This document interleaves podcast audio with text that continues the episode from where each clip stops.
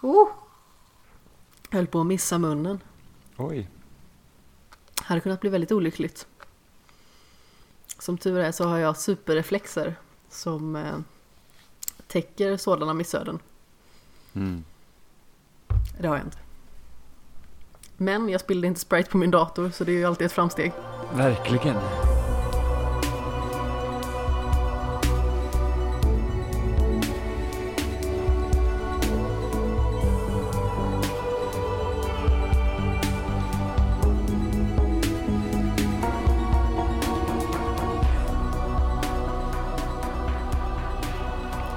Hej och hjärtligt välkomna till den 45 episoden av Skämshögen med mig Amanda Sten och på ett säkert socialt distanseringsavstånd har vi Jimmy Seppele. Hallå. Hej. Hej. Vi har ju inte bara varit på ja, ett väldigt distant avstånd, säger man så? Jag, vet, jag har ingen aning. Avlägset avstånd kanske. Eh, hela tiden, utan du har ju faktiskt bott hos mig i eh, tre veckor, så vi har ju konsumerat väldigt mycket populärkultur ihop. Ja, Men just nu är jag i Allingsås och du är i Flemingsberg i sedvanlig ordning. det stämmer. Eller den vanligaste av ordningar, Ja, som- förutom som, den senaste tiden. Precis. Korrekt. På grund av, eller tack vare kanske man ska säga, eh, Corona, så har det ju liksom blivit att du har varit här väldigt mycket. Eh, då det har varit eh, dels extra svårt att ta sig med tåg och sen så är du ju i riskgrupp också. Ja, precis. Och den här sidan av Sverige är lite mer säker än din sida av Sverige, Ja, så är det. kan man väl lugnt säga. Ja, jag går knappt ut liksom, så det, förutom med hunden då. Men precis, Men du går ut med man ju- hunden och du går och handlar, det är ja, ungefär och då, det. Och då får man ju typ planera när man ska gå och handla också. Ja, Helst så alltså, sent som möjligt. Jag var och handlade idag. Det är alltså onsdag den eh, 20 i femte. Dagen innan eh, Kristi himmelfärds. Och jag tänkte liksom att, ja men klockan fyra sådär, precis efter att jag slutat jobba, det borde kanske inte vara så mycket folk. Alltså det var så fullproppat i varenda gång, så jag höll på att krevera. Mm. Jag typ smög längst fram med gångarna och sen fick jag stå i delikatessdisken hur länge som helst för att få ett kycklingspett. Jag vet, jag kan göra kycklingspett själv men just det här specifika spettet som de säljer där är väldigt gott så jag tänkte att jag skulle ha det till middag imorgon. Eh, och det gick eh, förtvivlat långsamt. Men som sagt det var mycket folk, mycket skrikande barn. Eh, mycket grillgalna människor. Man hörde det typ runt omkring sig hela tiden när man stod och väntade. Bara så här, ja alltså vi ska ju grilla imorgon. Eh, vi vill ha lite fint kött till det här. Man bara så här, ja. Vad oväntat. Mm. Det är en sån Ja. grej som jag aldrig riktigt har förstått. Alltså svenskars, eller kanske inte bara svenskars, men människor i allmänhet enorma fascination kring grillning. Jag antar för att det är någonting som vi bara kan göra när det är varmt ute. Ja, men jag, jag tror att det har väldigt mycket med det att göra för liksom vi nordbors del i alla fall. Just att det är ju så liten tid av året som faktiskt är relativt varm och nu i maj så har det faktiskt varit ganska så svalt. Jag menar det har varit kanske runt 10 grader på sin höjd. Och speciellt jämfört med typ föregående tre år som varit ganska varm maj, som jag minns. Ja, men förra året precis. var det varmt i maj, året innan det var det ju så här katastrofalt varmt i maj. Det var ju bombvarmt, alltså det var ju helt otroligt. Jag kommer ihåg att eh, på valborg, då skulle jag träffa en kompis. Och då gick jag liksom i full mundering. Eh, jag hade långbyxor, jag hade tjocktröja, jag hade rock på mig, halsduk. Hela faderullan och sedan dagen efter kändes det som. Okej, det var inte dagen efter, men bara några dagar senare så gick jag i shorts och höll Mm. på att svettas ihjäl. Ja, för det var någon så här kall knäpp i slutet av april, för mitten av april då var det jättevarmt också. För att vi hade precis skrivit eh, tenta och sen var Ah. vi, och sen var hela klassen samlad. Det var typ 18 april eller något sånt där och då var det också kanonvarmt. Vi gick liksom i t-shirt och shorts.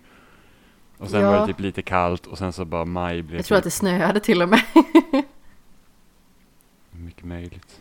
Det har ju snöat nu i maj på vissa Ja, ställen. ja, det har det. Även i Stockholm. Ja, fast inte exakt här vart jag bor. Nej. Fast när det just snöade så var inte du där uppe heller. Nej, men jag tror inte att det såg inte, alltså samma morgon hade väl typ Emma och Robin skickat bild från Uppsala i alla fall, då var det ju snö. Ja men precis. Då hade det kommit en ganska rejäl dos och de var i upplösningstillstånd typ. Tyckte Ja. att det var jordens undergång. Jo, Inte kan nog ändå, med coronaviruset, nu är det snö också. så jag, jag kan väl ändå hålla med om att snö i maj är ingen liksom syn man vill se. Även om jag gillar snö. Alltså, det kanske är att dra det till eh, sina ytterligheter. Sen så, jag har inte så jättestora problem med det. Om man ska vara helt ärlig. Jag föredrar ju lite kyligare väder framför när det är varmt. För att jag, precis som du vet, är ju en jättevarm person. Jag är liksom beredd på att krypa ur mitt eget skinn när det är varmt på sommaren. Alltså framförallt så som det var för två somrar sedan. Alltså jag ville ju fly mig själv. Bara så här, första bästa biljett till typ Nordpolen. Jag bara tar den. Rädda mig. Mm. Det var så varmt och jag kunde inte sova kommer jag ihåg. Och dessutom så hade jag både eftermiddags och kvällssol in genom båda mina fönster som jag hade i lägenheten. Mm. Så eh, det var inte skoj. Det var som ett växthus där inne. Och inte nog med liksom att man hade svårt att sova. Man kunde ju typ inte göra någonting. Alltså, jag menar, lyfter man på ena skinkan liksom så började man ju svettas som en gris. Så eh, det var ju helt otroligt. Jag kommer ihåg alla nattliga promenader jag fick ta med ljudbok. När jag gick ut och kollade på vatten. Mm. Man bara så ja det ser så svalt ut men man vet ju att det är uppvärmt skit. Mm. Eh, som sagt, vi, vi är ju fortfarande i eh, de eh, ständigt omtalade coronatiderna. Ehm, det känns ju som att nyhetsflödet och flödena i sociala medier bombarderas med allting vad corona heter. Alltså, vi hade en liten paus nu med prostitutionsrazzian och sånt. Ja, Eller, även om mycket det. corona, men vi hade liksom en liten bump i att vi fick läsa om andra hemskheter också. Ja, jag vet inte riktigt hur eh, trevligt det är. Man byter ut en hemskhet mot en annan. Jag är inte jättenöjd med det alltså. Nej, men det är väl det är ofta det nyheter handlar om, hemskheter. Jo. Det är väl helt sant. Eh, kan man väl lugnt säga.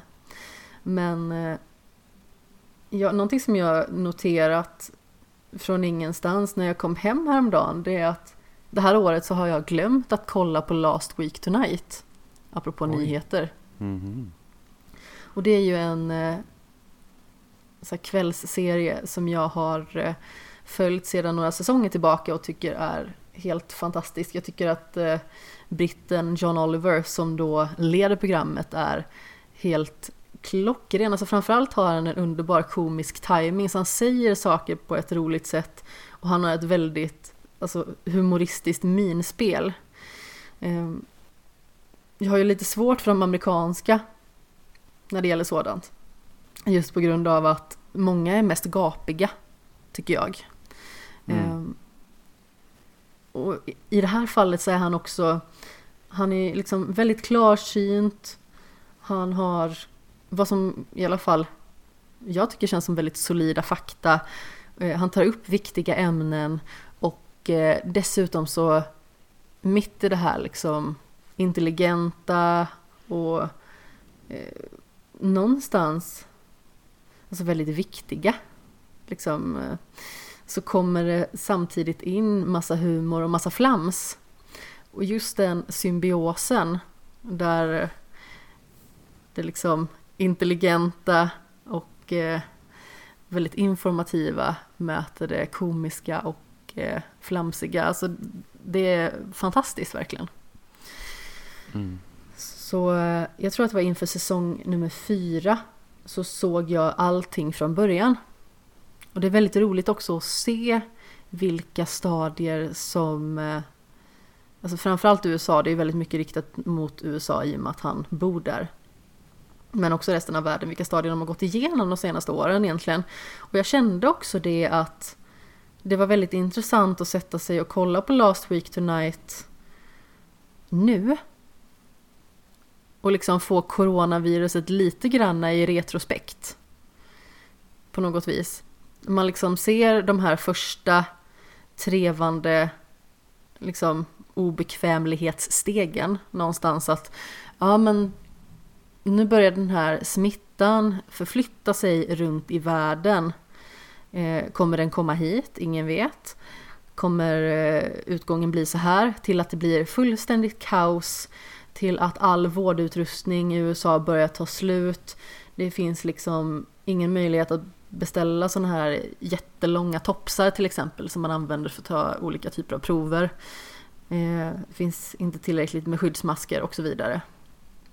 Mm. Så eh, det är väldigt intressant att se den progressionen så här i efterhand. Det känns som att även att vi fortfarande är mitt i det så känns det som att det nästan var länge sedan. Mm. De här månaderna har gått jättefort. Ja, men det känns mars. som att- Mars var seg, alltså när det Mm. var nytt. Men det känns som att det var en evighet sedan jag var i London, verkligen. Mm. Och det är två månader sedan. Ja, verkligen. För jag flyttade in första helgen i mars i min nya lägenhet som Mm. jag bor i nu. Helgen efter så åkte jag och min kära mor till London. På vägen hem, då började det balla ur. Mm. Eh, Då fick vi ett meddelande när vi satt på flygplatsen om att SAS skulle varsla 10 000 anställda. Mm. Och då blev man ju lite nervös i byxorna, alltså det kändes inte riktigt bra. Eh, Men vi kom ju hem väl och med hälsan i behåll, inga konstigheter på det planet. Eh, Och jag hade ju liksom varit så här lite veckan innan att men kan inte bara folk lugna ner sig lite? Det finns ingen anledning att liksom gripas av panik. Jag tror inte att det är rätt sätt att hantera det. Eh, och till veckan efter så då hade det ju verkligen börjat bli panik även i Sverige. Eh, och även liksom i ens närhet. Och det var ju då också liksom eh, på mitt eget jobb. Jag jobbar ju på en stor eh, gymkedja. Där det liksom började komma väldigt mycket eh, Alltså dels justeringar av tider, olika nedskärningar av klasser. Man tog bort eh, klasserna för eh, seniorerna till exempel. Eh, det skedde mycket frysningar för att folk kände sig osäkra på att träna och så vidare och så vidare. Helt plötsligt bara exploderade det. Mm. Och det är ändå intressant att se det också för man, man har ju liksom den, den känslan ändå väldigt färskt i minnet men det känns ändå som att det var så länge sedan. Det är en absurd känsla nästan. Mm. Ja, och sen när man inte vet hur lång tid det kommer ta. Nej, För det är liksom så här, hur länge kommer det vara osäkert? Och sen det att man befarar att det ska komma liksom en, en andra våg då av uh, smittotillfällen. Liksom att det liksom eskalerar igen. Ja men precis, alltså, är risken är väl att det planas ut lite mer på sommaren i och med att det dels är varmare väder och jag menar då är liksom inte smittorisken och folks immunförsvar lika utsatta på något vis och sedan så Mm. kommer hösten och då är risken att det går i toppen igen. Ja, och sen det att ju längre det håller på, ju mer slappnar folk av. Liksom det är så här bara att, ja men det här är vår vardag nu, så att man liksom så här bara, det händer ändå inte mig, för att det inte hänt hittills. Ja. Och sen så liksom, och då tar det fart igen. Men folk verkar verkligen vara sådana att de känner att ja men det här är mitt liv nu, nu kan jag lika gärna strunta i att bry mig. Mm. Eh, alltså jag blev väldigt irriterad när jag var på Maxi häromdagen. Det känns som att jag pratar väldigt mycket om mina Maxi-besök här. Eller som att jag åker och handlar jämt. det gör jag också. Nej men eh, häromdagen när jag hade kommit hem från dig Mm. så skulle jag handla lite varor inför veckan. Och då var det en snubbe som ställde sig jättenära mig i kassan. Och stod och skanderade liksom till sin kompis sådär att Åh, jag hade ju coronaviruset 2018 men då var det inte så populärt, höhö. Man bara så här tog ett långsamt steg åt sidan, alltså inte för att jag trodde att han hade haft coronaviruset eller att han hade coronaviruset, men bara så här ut ur min zon. Mm. Alltså det är så oförskämt. Så folk dör på riktigt i den här sjukdomen. Mm. Även att man Verkligen. tror att man är säker och även att man liksom tror att man alltså, ligger bra ti- till. Man har bra blodvärden, man har liksom inga underliggande sjukdomar. Alltså, man vet inte hur kroppen kommer reagera. Och Nej. även om man liksom inte dör, alltså jag menar Det finns ju andra saker som liksom står på spel. Alltså ens jobb till exempel. Att behöva vara iväg från jobbet. Mm. Alltså dels där man behövs. I de här tiderna som är nu så eh, har jag en uppgift som är ganska så viktig. Eh, och en liksom stor genomgång med alltså, sammanställningar och sådant från klubbar från hela Sverige. Mm. Eh, så man vill ju liksom inte ja, hamna på sjuklistan eller vad man ska säga. Nej, Och verkligen sen inte. bara, det är inte kul att vara sjuk. Så Jag är någon- bara. Jag såg någon bild på någon eh, snubbe från USA då, som var liksom jättevältränad och sådär. Och han hade fått lägga respirator i så sex veckor och han var ju liksom helt slutkörd. Alltså man, det fick en skillnad på så kort tid. Alltså man måste ju vara en bruten människa efter det där. Alltså han var ju liksom, det, alltså han var ju så smal, så smal så att det var liksom var, han hade liksom förlorat typ allting. Alltså på kroppen kändes det som. Ja. Men det är ju så, jag vet, jag kanske har berättat om den här tidigare i podden, jag har definitivt berättat det för dig tidigare, att jag vet bara när jag hade vinterkräksjukan, jag tror att det var år 2012 där på vintern, och jag var så dålig så jag kunde i stort sett inte resa mig ur soffan. Alltså jag fick Mm. typ kräla in till toaletten och tillbaka till soffan. Jag gick liksom inte ens in till sängen, jag bemödade mig inte med det utan jag, jag kravlade däremellan. Min pappa fick komma hem till mig och göra rostmackor utan kanter och med smör på. Som han försökte mata mig med och försökte mata mig med blåbärssoppa. Mm. Och jag kommer ihåg det här så himla väl också för att jag hade gått en utbildning i ett gruppträningskoncept och man måste skicka in en licensieringsfilm. För att visa att men du kan liksom alla grunderna, du kan din teknik, du kan koreografin och så vidare. Och när jag skulle spela in den, alltså jag var ju helt förstörd. Mm. Jag kände mig som världens klenaste människa. Då ska vi tänka att jag är, jag är ändå ganska så stark. Alltså jag är nog liksom rent fysiskt tror jag att jag är starkare nu. Jag är också större nu, liksom har mer eh, både muskelmassa och fett på kroppen. Liksom. Så jag är liksom fysiskt större. Men redan då var jag ganska stark. Och jag kände mig Mm. helt bruten.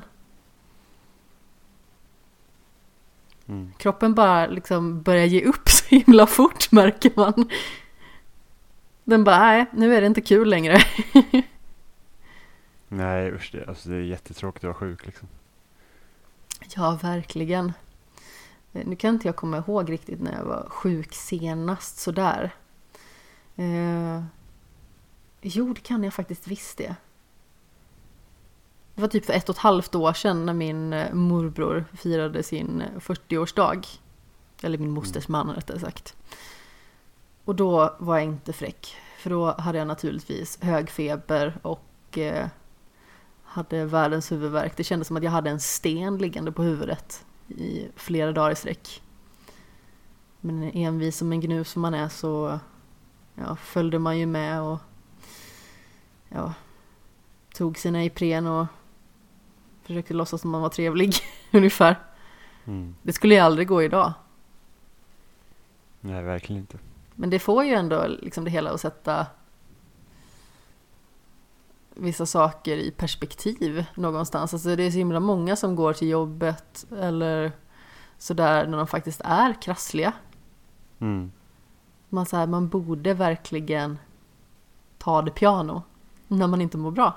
Mm. Ja, men det märker man även på universitet, liksom, att folk vill ju inte missa föreläsningar och sånt och så kommer de dit och harklar sig och snuvar sig och sen är alla sjuka. Liksom. Ja. Jag har ju lite den problematiken att jag går och snuvar mig eh, just nu i alla fall.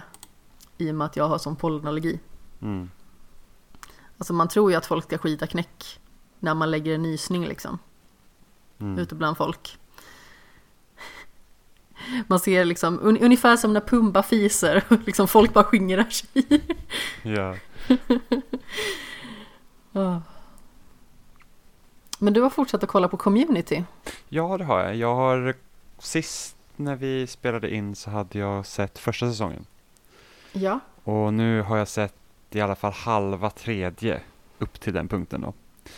Eh, och jag måste ändå säga att serien tog en lite märklig vändning. Inte för att den fortfarande handlar om de här personerna då som går på ett community college, utan, utan första säsongen så kändes det ändå som att serien hade en ganska liksom röd tråd, för det, huvudpersonen liksom då som man ska säga nästan har liksom huvudrollen i serien är Joel McHales karaktär Jeff Winger som har då haft en fejkad advokatutbildning eh, och måste då liksom ta en examen igen. Eh, och det är så han liksom hamnar där. Och sen så har man liksom han har försökt fuska, han vill liksom bara, han vill bara, jag vill bara ha min examen, jag orkar liksom inte med det här. Så att liksom massa olika knep för att liksom, vad ska man säga, kunna liksom vinna på det utan att behöva göra någonting för det.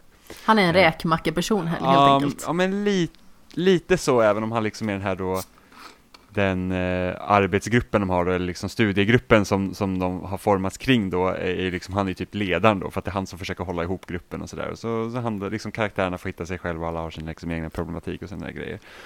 Och sen liksom i säsong två där så blir det nästan som att den första, liksom bara åtta avsnitten var, kändes det som att varje avsnitt var temaavsnitt nästan. Så att det var så här att, okej, okay, nu är bara de här liksom personerna hamnar liksom i mer eller mindre absurda situationer, men det känns liksom inte, alltså vad är det man följer egentligen? Temaavsnitt hur? Alltså är det mm, typ Ja men så som här... att typ såhär, ja men eh, som ett, ja men tänk dig typ ett temaavsnitt som ett halloween-avsnitt till exempel. Ja men precis. Eh, Så kändes liksom att alla avsnitt var liksom, eh, liksom centrerade kring en idé. Och sen så liksom körde man på det istället för att liksom ha någon form av handling som är liksom genomgående genom serien om man säger så. Eh, Okej. och speciellt det halloween-avsnittet som var där, för jag kan inte jobba, det här måste ju vara typ någon som drömmer eller något, för det här kan ju liksom inte vara Alltså det här liksom kan ju inte hända, liksom det man tittar på. Och sen så Personen liksom, går ur duschen och så har det inte hänt. Nej men alltså det kändes som att de blev typ drogade och de blev typ zombies. Och typ, alltså det var helt galet liksom. Jag bara, om det här är någon som drömmer, det här liksom har inte hänt. För att det är liksom ett halloween-avsnitt. Det är typ som man tittar på Simpsons och ser de här, eh, eh, deras halloween-avsnitt som är liksom bara så här absurda grejer. Men det var liksom så här, nej, då, då var liksom saker som har hänt i det avsnittet, liksom, det, det är liksom canon för serien. Det är inte, liksom inte påhittat. Så det, det var så här jättemärkligt, så att det, det känns som att serien har gått från då att handla om den här personen då som ska få tillbaka sin examen till att bara säga, vi har en studiegrupp och det, de gör konstiga saker. Men Eh, den här zombie-grejen, var det någon form av hallucination då eller? Vad? Nej, nej, utan det var typ som att de hade nå- någon, och så, om jag minns det rätt så var det typ någon punch som hade fått nå- någon medicin i sig, så då hade liksom, de alla hade blivit sjuka och då betedde man sig så konstigt som man gjorde liksom. Eh, och ingen har något minne av det sen, liksom typ, men, men en av huvudkaraktärerna blev liksom gravid un, under den här zombie-grejen och har fött Vad det trevligt. Ja, men precis, så det var liksom, Det är precis att det man vill. så att den bygger ju vidare liksom på, på de grejerna som har hänt. Med det sagt så tycker jag inte serien är dålig, jag tycker fortfarande den är väldigt bra och man kan se, för att det är samma skapare till Community som det är till eh, Rick and Morty. Och Community kom innan Rick and Morty, och Rick and Morty är ju verkligen en sån här serie där liksom varje avsnitt har en central grej det handlar om, och sen finns det liksom en överhängande lår i serien. Eh, som, som, liksom, som dippar ner någonstans eh, mellan varven, men det är liksom inte så här att du kan se ett Rick and Morty avsnitt mitt i och liksom fortfarande liksom ha kul, om man säger så. Eh, men sen har du liksom sett hela serien, då får du liksom en, en större uppskattning för serien, om man säger så. Och jag känner väl lite att det är samma sak med community, liksom att ju mer man har sett den, speciellt när man följer den liksom rakt igenom, så, så får man en större uppskattning med den, för att det händer vissa saker i, i nästan som Arrested Development också gjorde när, när den serien gick på tv, liksom, att, att det kunde ta typ tre säsonger innan det här skämtet som de drog i säsong ett fick liksom sin punchline. Jag började titta på det, fastnade inte. Alltså den är lite tråkig, alltså den är knepig att ta sig in i. Det är så jag, osympatiska personer. Jo, men den, alltså samtidigt så att, alltså ibland så är det när man liksom tittar på Alltså när, när just den här punchlinen kommer då, som man liksom, någonting som de typ droppade för så här 20 avsnitt sen och sen kommer punchlinen och man så bara Oh my god, de gjorde det där, liksom var ganska kul. Så det finns, till exempel i Arrested Development så finns det ju en karaktär, han förlorar ju sin hand eh, i en olycka, så han får en krok eh, till hand istället. Och det är någonting som de har foreshadowat sen första säsongen. Liksom att det är så många avsnitt där liksom bara antyder om att han kommer bli av med handen liksom och få en krok istället. Så det, det är massa sådana grejer, så att så de har liksom den serien byggde de ju upp genom att liksom att okej, okay, vi har skämt som vi kan dra liksom och hålla på länge så att det inte blir typ så här Big Bang Theory, att någon säger någonting och så sätter man på laugh tracks och därför är det kul. Ja, och så är det någon som eh. kliar sig i armhålan. Ja, men precis. Eh, men community är ju liksom, det känns verkligen som att fröna till Ricky Morty såddes här, för att det är liksom, jag tror det jag nästan uppskattar mest med serien, för det, det är speciellt eh, karaktären Abed som, eh, han är filmstudent då. Eh, och han liksom vill bli, om han vill liksom göra egna filmer och sånt. Och det är liksom ett genomgående tema i serien, det är det liksom att han ser liksom världen genom film i princip. Och jag tror mina favoritavsnitt det är när liksom han filmar då en dokumentär och så går man igenom det. Det är så himla roligt. Och sen hade de någon, de hade något avsnitt där de gjorde liksom är lustiga över sådana här bottleneck-avsnitt eh, i serier. Du vet sådana som inte drar handlingen längre fram, men för att du måste ha en säsong på 22 avsnitt så måste du ha ett sådant avsnitt liksom, som, som egentligen inte gör någonting. Och då gjorde de ett sådant avsnitt där det liksom så här, det handlar om att Abed inte gillar sådana här typer av avsnitt i serier och så gjorde man ett sådant avsnitt i den serien, liksom väldigt så här självmedvetet. Det är väldigt ehm, fyndigt faktiskt. Ja, men också det var också den, alltså det är ett av de bättre avsnitten liksom i, som jag har sett hittills i alla fall. Eh, så att, så att liksom sådana referenser är jätteroliga, så jag tycker verkligen att det är en jätte, jättebra serie. Eh, och speciellt, alltså, som jag sa efter första säsongen så var det så att okej, okay, ingen, alltså karaktärerna är ganska taskiga mot varandra och, och liksom det är inte den här typ det är inte Brooklyn 99 där liksom karaktären egentligen är snälla och det är liksom andra roliga saker som händer, liksom att de kan vara i luven på varandra men det är fortfarande inte liksom, man är inte småaktig och det kan de ju vara i den här serien. Men som sagt, Abed och sen Troy, liksom de två karaktärerna och deras liksom relation med varandra är så himla bra.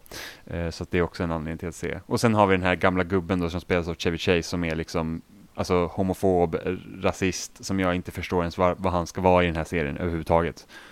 Alltså jag, jag tycker att han förstör mer, för att det är oftast att han kommer in i bilden så bara haha that's gay typ, och man säger bara men alltså okej. Okay. Och karaktärerna, de liksom andra bara säger okej okay, men det där är ju inte okej, okay, liksom varför håller du på sådär? Men liksom det är ändå där det är inte som att han slutar efter den gången eller liksom på något sätt, utan det, det känns som en det känns som en konstig grej att ha med liksom. Visst att det kan finnas äldre personer som har liksom de här åsikterna givetvis, men liksom alltså avsnitt efter avsnitt så så liksom händer det. Men nu vet jag att den karaktären kommer inte vara med till seriens slut.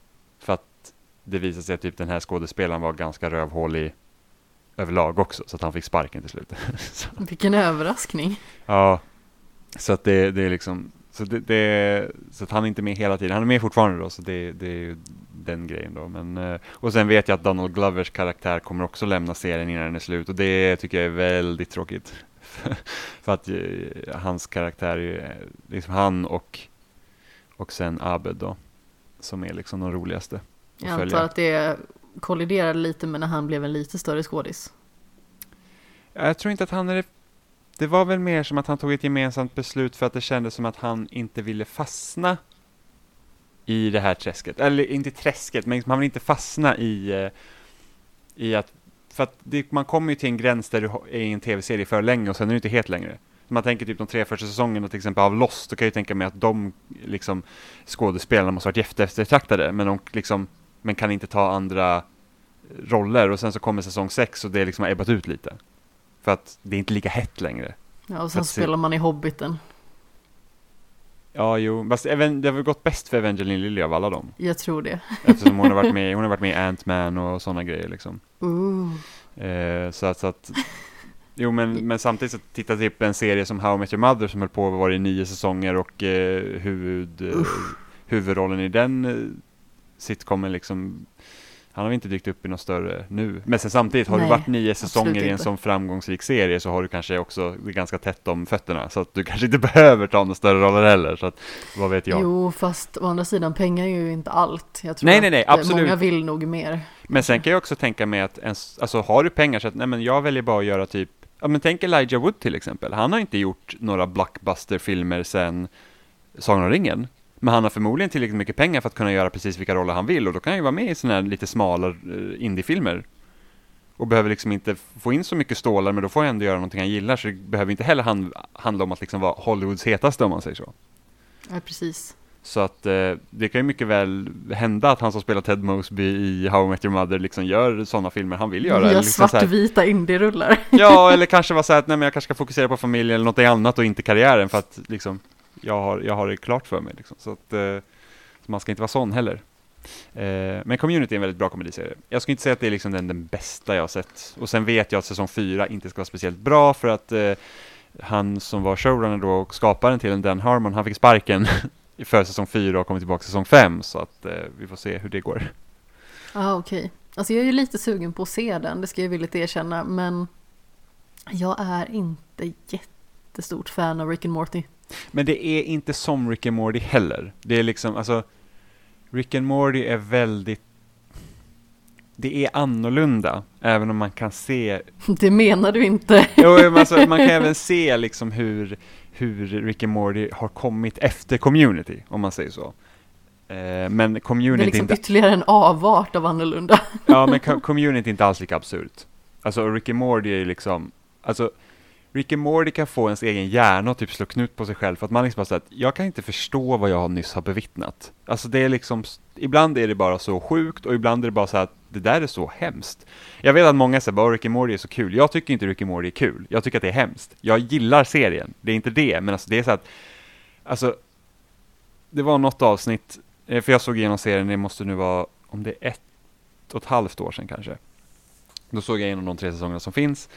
Och det var liksom så här bara att ett avsnitt, det var väl- alltså när det slutade, jag var bara så här att, alltså jag kände mig helt liksom typ tagen ända in i liksom själen. För det var bara så här, jag bara, alltså det här, det här var så, det var så hemskt. Så att, eh, ja, det, det, det är en speciell, det är en speciell serie det också. Jo, minst sagt. Men community är bra i alla fall, alltså det, det, är liksom, det är nice att titta på, men jag skulle liksom inte säga så här att åh, det här är den bästa serien jag har sett eller något sånt. Men jag gillar ju Donald Glover, jag gillar Alison Brie, jag gillar han som spelar Abe, jag känner mig så himla dålig nu att jag inte kan hans namn, jag ska kolla. Ehm.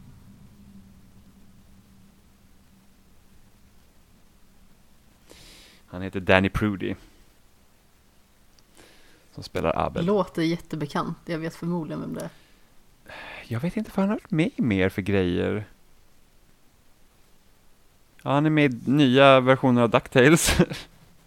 Jaha, Spelar en av knattarna. Jag skulle vilja se nya DuckTales förresten, för jag älskar ju DuckTales. Jag tycker att alltså, det är Disney Ducks bästa. Eh, så att, och nya versionen ska vara väldigt bra. ja, precis.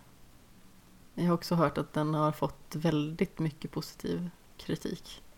Ja, han är med i Mythic Quest också, den här eh, tv-serien som går på Apple TV, eller Apple TV Plus. Jag kommer inte ihåg vad deras Apples strömningstjänst heter, men Just det, det var den som det pratades om jättemycket i typ två dagar och sen hörde man inte mer om den. Ja, det var den som visades också på, kan det ha varit Ubisofts E3-konferens förra året eller någonting sånt? Just det. Eh, men det är också han, eh, han som är med i It's Always Sunny in Philadelphia tror jag, som är typ medskaparen till den serien tror jag. Ah.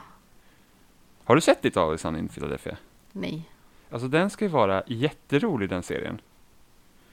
Eh, jag vet inte om det är någon streamingtjänst i Sverige som har den, men det hade varit jättekul att se den tror jag. Vi får kolla. Ja, I dubbel bemärkelse. ja. Vi har ju sett på ganska så mycket serier den här veckan. Och eh, från en eh, serie med korta avsnitt till en annan kan vi väl säga då.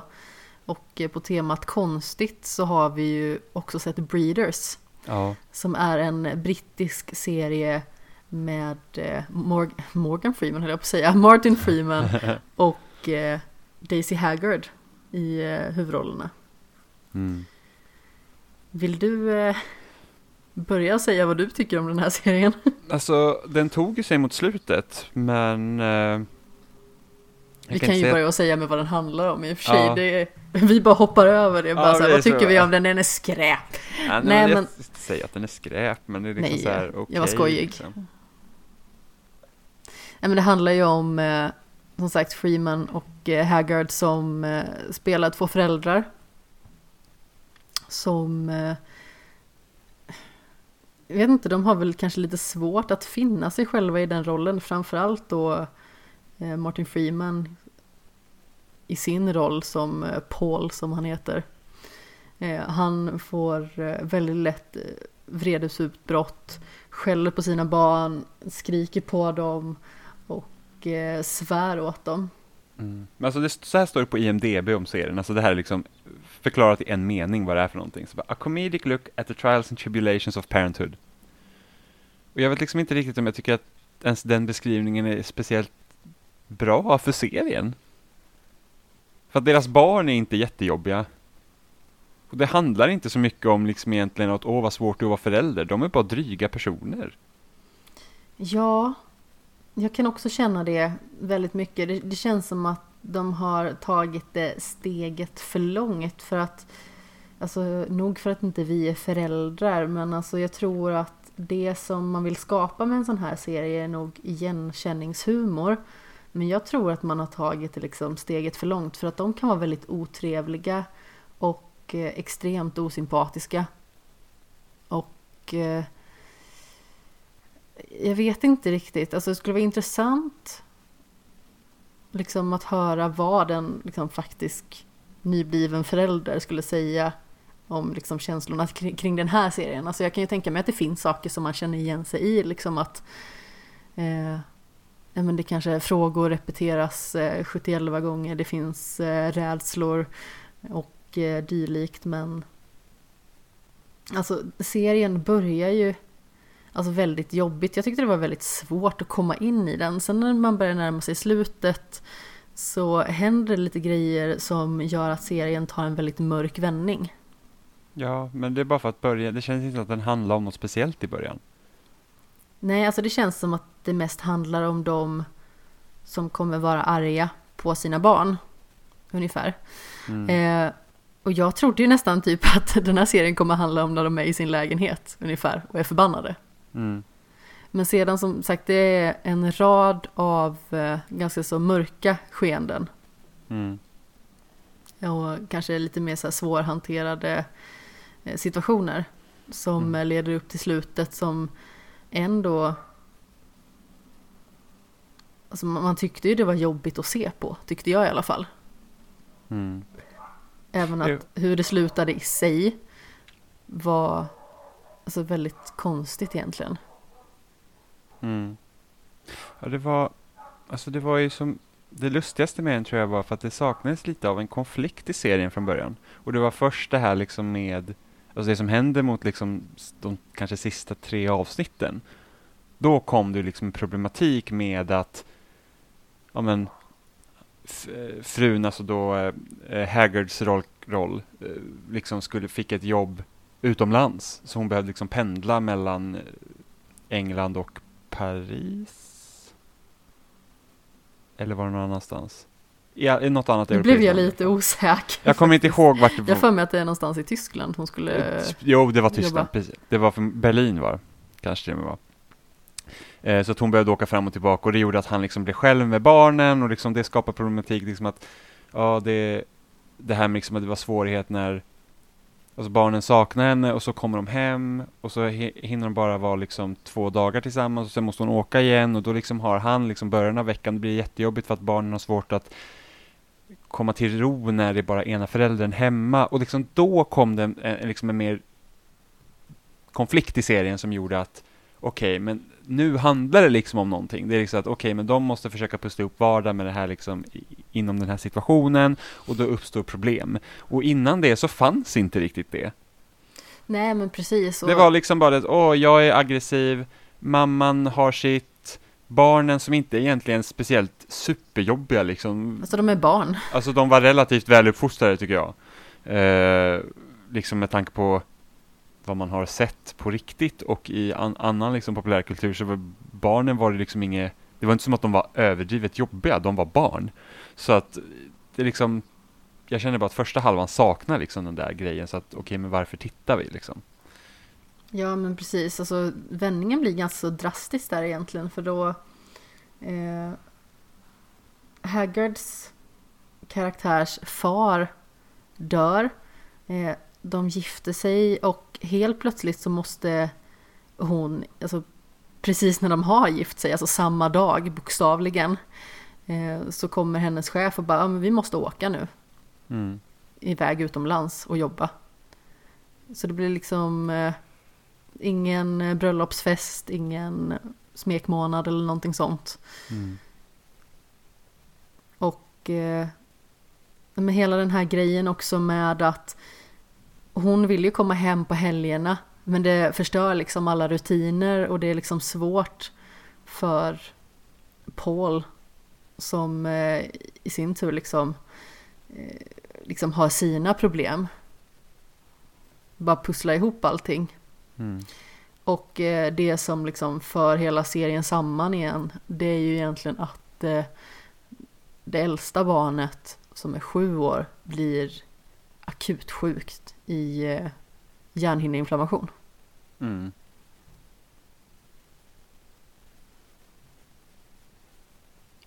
Och där blir det liksom steget mörkare. Alltså det, det är ju liksom... Eh, vad ska man säga? Det är ju tortyrartat att vänta på den typen av besked. Och det tycker Mm. jag serien gör väldigt bra. För att den blir liksom på något vis mycket mer human och jordnära där någonstans. Men innan så har det liksom varit mycket så här skrikande och gapande och svordomar. Och jag tycker att det är lite jobbigt att se Martin Freeman i en sån roll. Jag har inte sett Daisy Haggard i så jättemycket tidigare. Kan inte ens nämna någonting på rak arm tror jag. Men jag tycker om Martin Freeman väldigt mycket som skådespelare. Så jag blir Hon- nästan lite provocerad eh, när jag liksom ser den här rollen. Daisy Haggard har rollen som eh, hissen till ministeriet i Harry Potter. Hon gör det bra. Alltså hon var, jag tyckte att hon var väldigt bra i sin roll också. I Breeders. Ja, Ja, alltså jag tycker hon är en bra skådespelare också. Hon är jättebra. Jag tycker Martin Freeman är jättebra också, men jag tycker att han passar inte in i den här rollen. Jag tror största problemet egentligen har Martin Freeman, han spelar liksom Martin Freeman. Det är liksom, li- han är lite liksom samma så här eh, som man egentligen ser honom i många av hans roller tycker jag. Ja, fast jag tycker inte att han är så aggressiv i andra roller. Nej, nej absolut det är han inte, men liksom sättet han rör sig på, använder liksom hur han knycker med huvudet, lite sådana grejer. Ja, hans minspel och eh, sitt kroppsspråk. Absolut. Men fanns samtidigt kom- var ju ganska många roliga situationer. Han var så okej jag ska vara lugn, jag ska bara säga åt barnen att liksom det är okej. De Precis. ska bara vara tysta, så går han dit och så bara pff, exploderar de. Ja, en av de absolut roligaste grejerna i hela serien det är ju att pojken har fått någon sån här panikgrej gällande att gå och bajsa. Eh, så han har liksom jättesvårt att, att slappna av. Mm. Vilket gör liksom att han blir förstoppad och får ont i magen och sådär. Så de måste liksom ta det piano med honom och låta honom gå in. Eh, och han får sin pappas mobiltelefon och lyssnar på typ rockballader eller någonting. För att kunna slappna av och bajsa i fred. Eh, och eh, så kommer i alla fall Ally då fram till Paul som liksom går fram och tillbaka, bankar på dörren och liksom är fly förbannad för han behöver sin telefon för han väntar på ett viktigt samtal. Mm. Och Ally säger liksom så här, nu måste du vara tyst och lugn. Eh, och då liksom eh, går ju Paul i taket också och bara, han bajsar, han desarmerar inte en bomb. Ja, det var väldigt det- roligt. Fantastiskt roligt. Ja, så det kommer ju vissa sådana grejer som är kul, men eh, annars vet inte. eh, överlag ganska lam serie ändå. ja, alltså kommer det en andra säsong så vet jag tusan om jag ser den. Mm. Om jag ska vara helt ärlig. Det är på den nivån det är. Och det är väldigt synd för att jag menar, jag gillar ju överlag brittisk komik. För att den brukar vara lite mer underfundig eh, och rapp på ett annat sätt. Men den är lite för aggressiv här och jag uppskattar inte riktigt det. Mm. Det finns inte så mycket som man kan relatera till.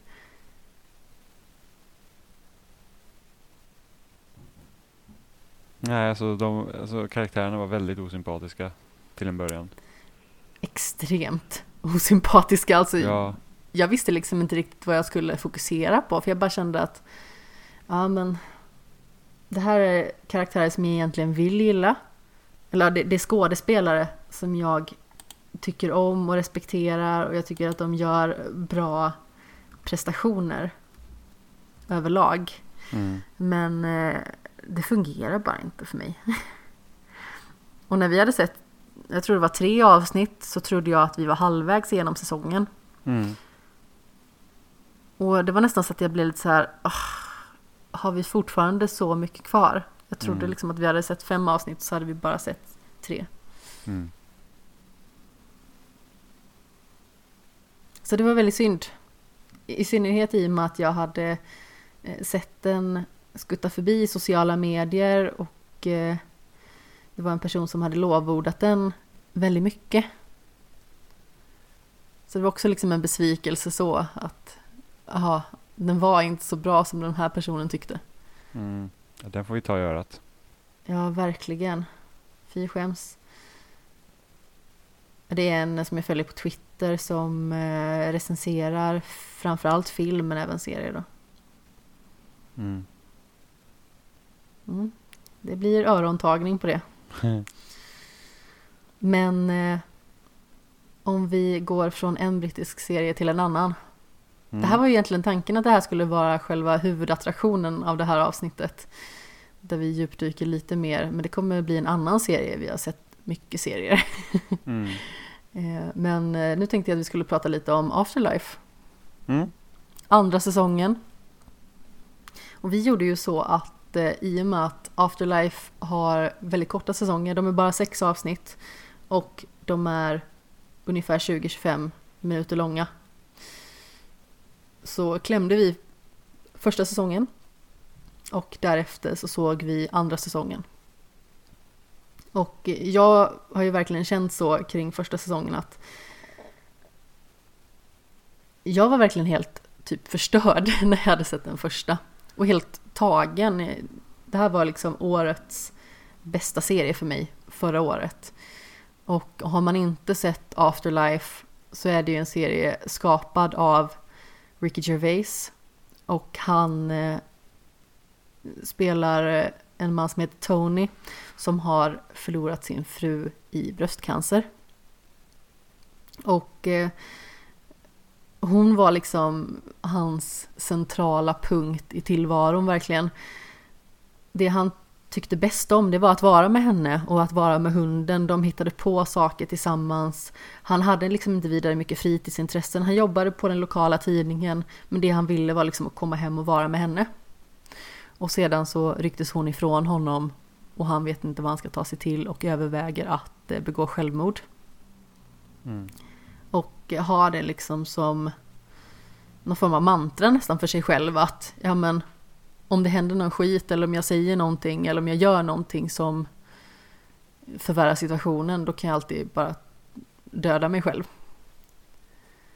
Mm. Men så har han liksom hela den här grejen med att eh, ja, han hade förmodligen redan gjort det om det inte hade varit för att hunden behövde få mat liksom. Så vart man avslutade det förra säsongen var egentligen att Tonys pappa dör. Och eh, den här karaktären har suttit på ett ålderdomshem. På vilket Tony har träffat Emma. Som då är eh, ett vårdbiträde. Och i början så är de lite i luven på varandra men sedan så börjar de tycka om varandra väldigt mycket och han efter många om och men så vågar han liksom bjuda ut henne, eller vad man ska säga. Och den här andra säsongen påbörjas väl med att de har egentligen inte riktigt kommit någon vart. Han är fortfarande väldigt mycket fast i sitt gamla liv och sina gamla känslor och eh, har det fortfarande väldigt tungt med sitt mående såklart. Och eh, Emma tycker också att det är jobbigt naturligtvis för att hon vill liksom inte bara vara den andra kvinnan i hans liv på något vis utan hon eftersöker kärlek och vill ha den Eh, men om han liksom inte kan erbjuda mer så känner hon att hon behöver söka sig någon annanstans. Vilket han också är väldigt öppen med. Ja, ja absolut. Det får man absolut säga.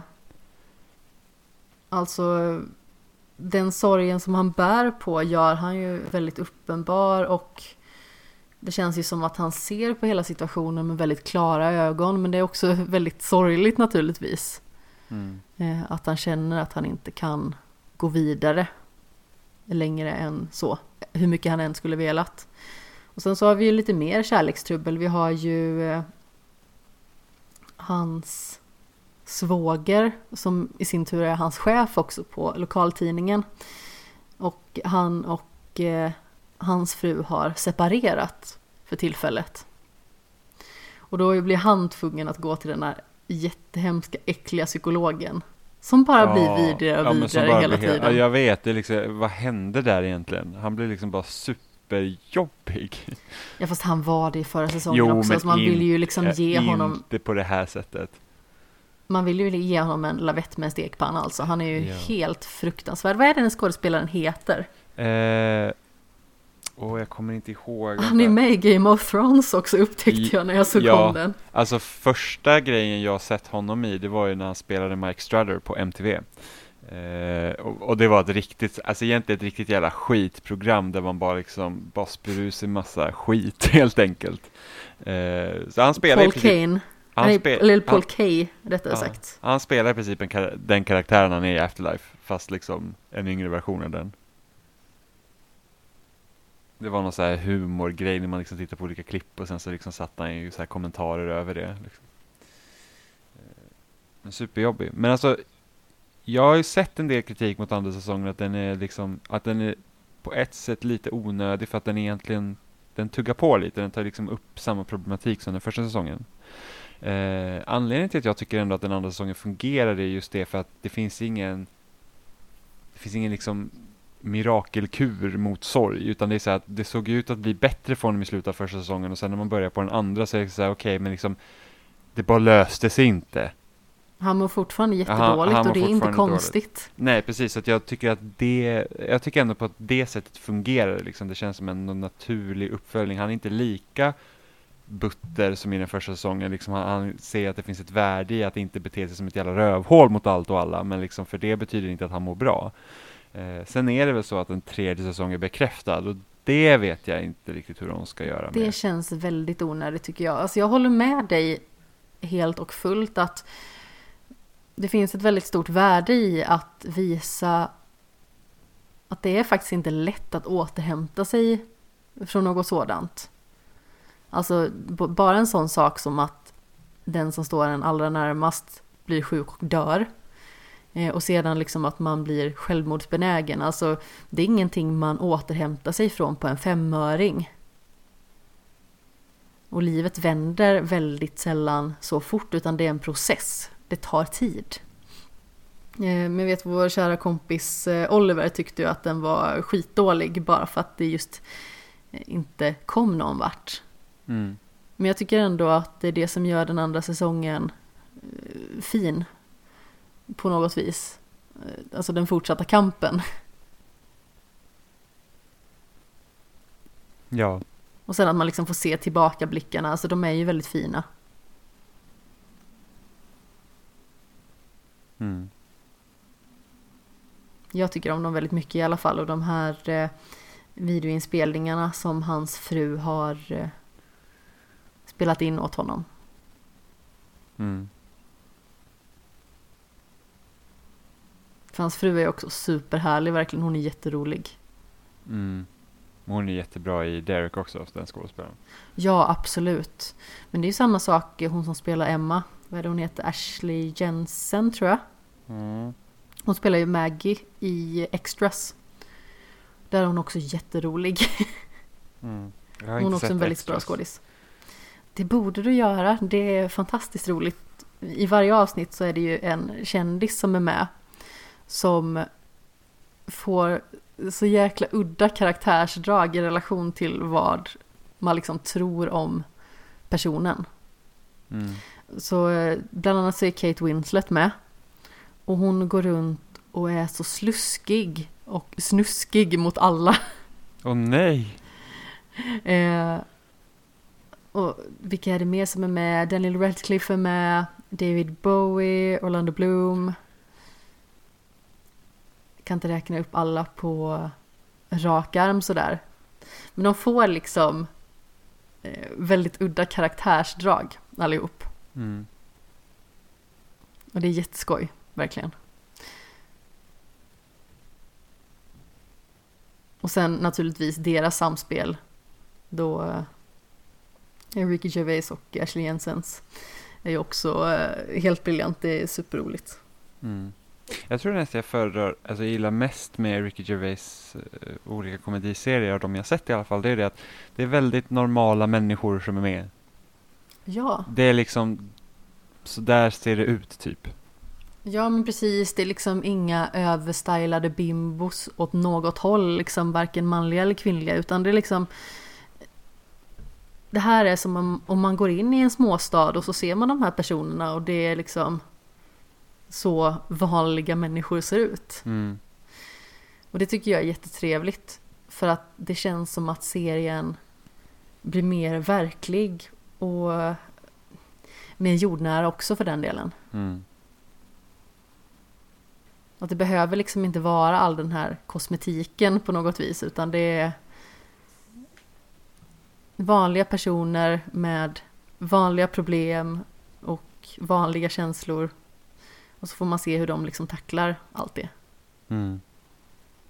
Det finns ju många väldigt olika karaktärer också även i alltså, Afterlife. Ja, riktiga sådana här uh, original. Alltså Ja. jag tror, var, var inte i första avsnittet han Postman Pat när han bara frågade om han fick gå och använda toaletten hos Ricky Gervais karaktär och så, så, så tar det jättelång tid och då har han liksom lagt sig i badet. Ja, Det är bara en sån här absurd grej, men alltså jag känner ändå inte att det är inte orimligt att någon skulle tänka sig att det var okej. alltså jag tänker ju bara på den här filmen Run Fat Boy Run med Simon Pegg, Thandie Newton och eh, Dylan Moran. Och där är ju Dylan Moran kusin till Thandie Newton. Och Thandie Newton, som tidigare skulle ha gift sig med Simon Peggs karaktär, ska nu gifta sig med Hank Azarias karaktär. Mm. Och han är verkligen så supersnofsig amerikan. Eh, och eh, har en eh, typ vindsvåning. Och så går de in och kollar runt i lägenheten då. Eh, Sandy Newtons karaktär och Dylan Morans. Och eh, så går de in i badrummet. Och så säger Dylan Moran så här att Vore konstigt om jag tog ett bad? Mm. Bara, Ja, det vore det. Liksom sådär. Så backar de långsamt ut ur rummet ungefär.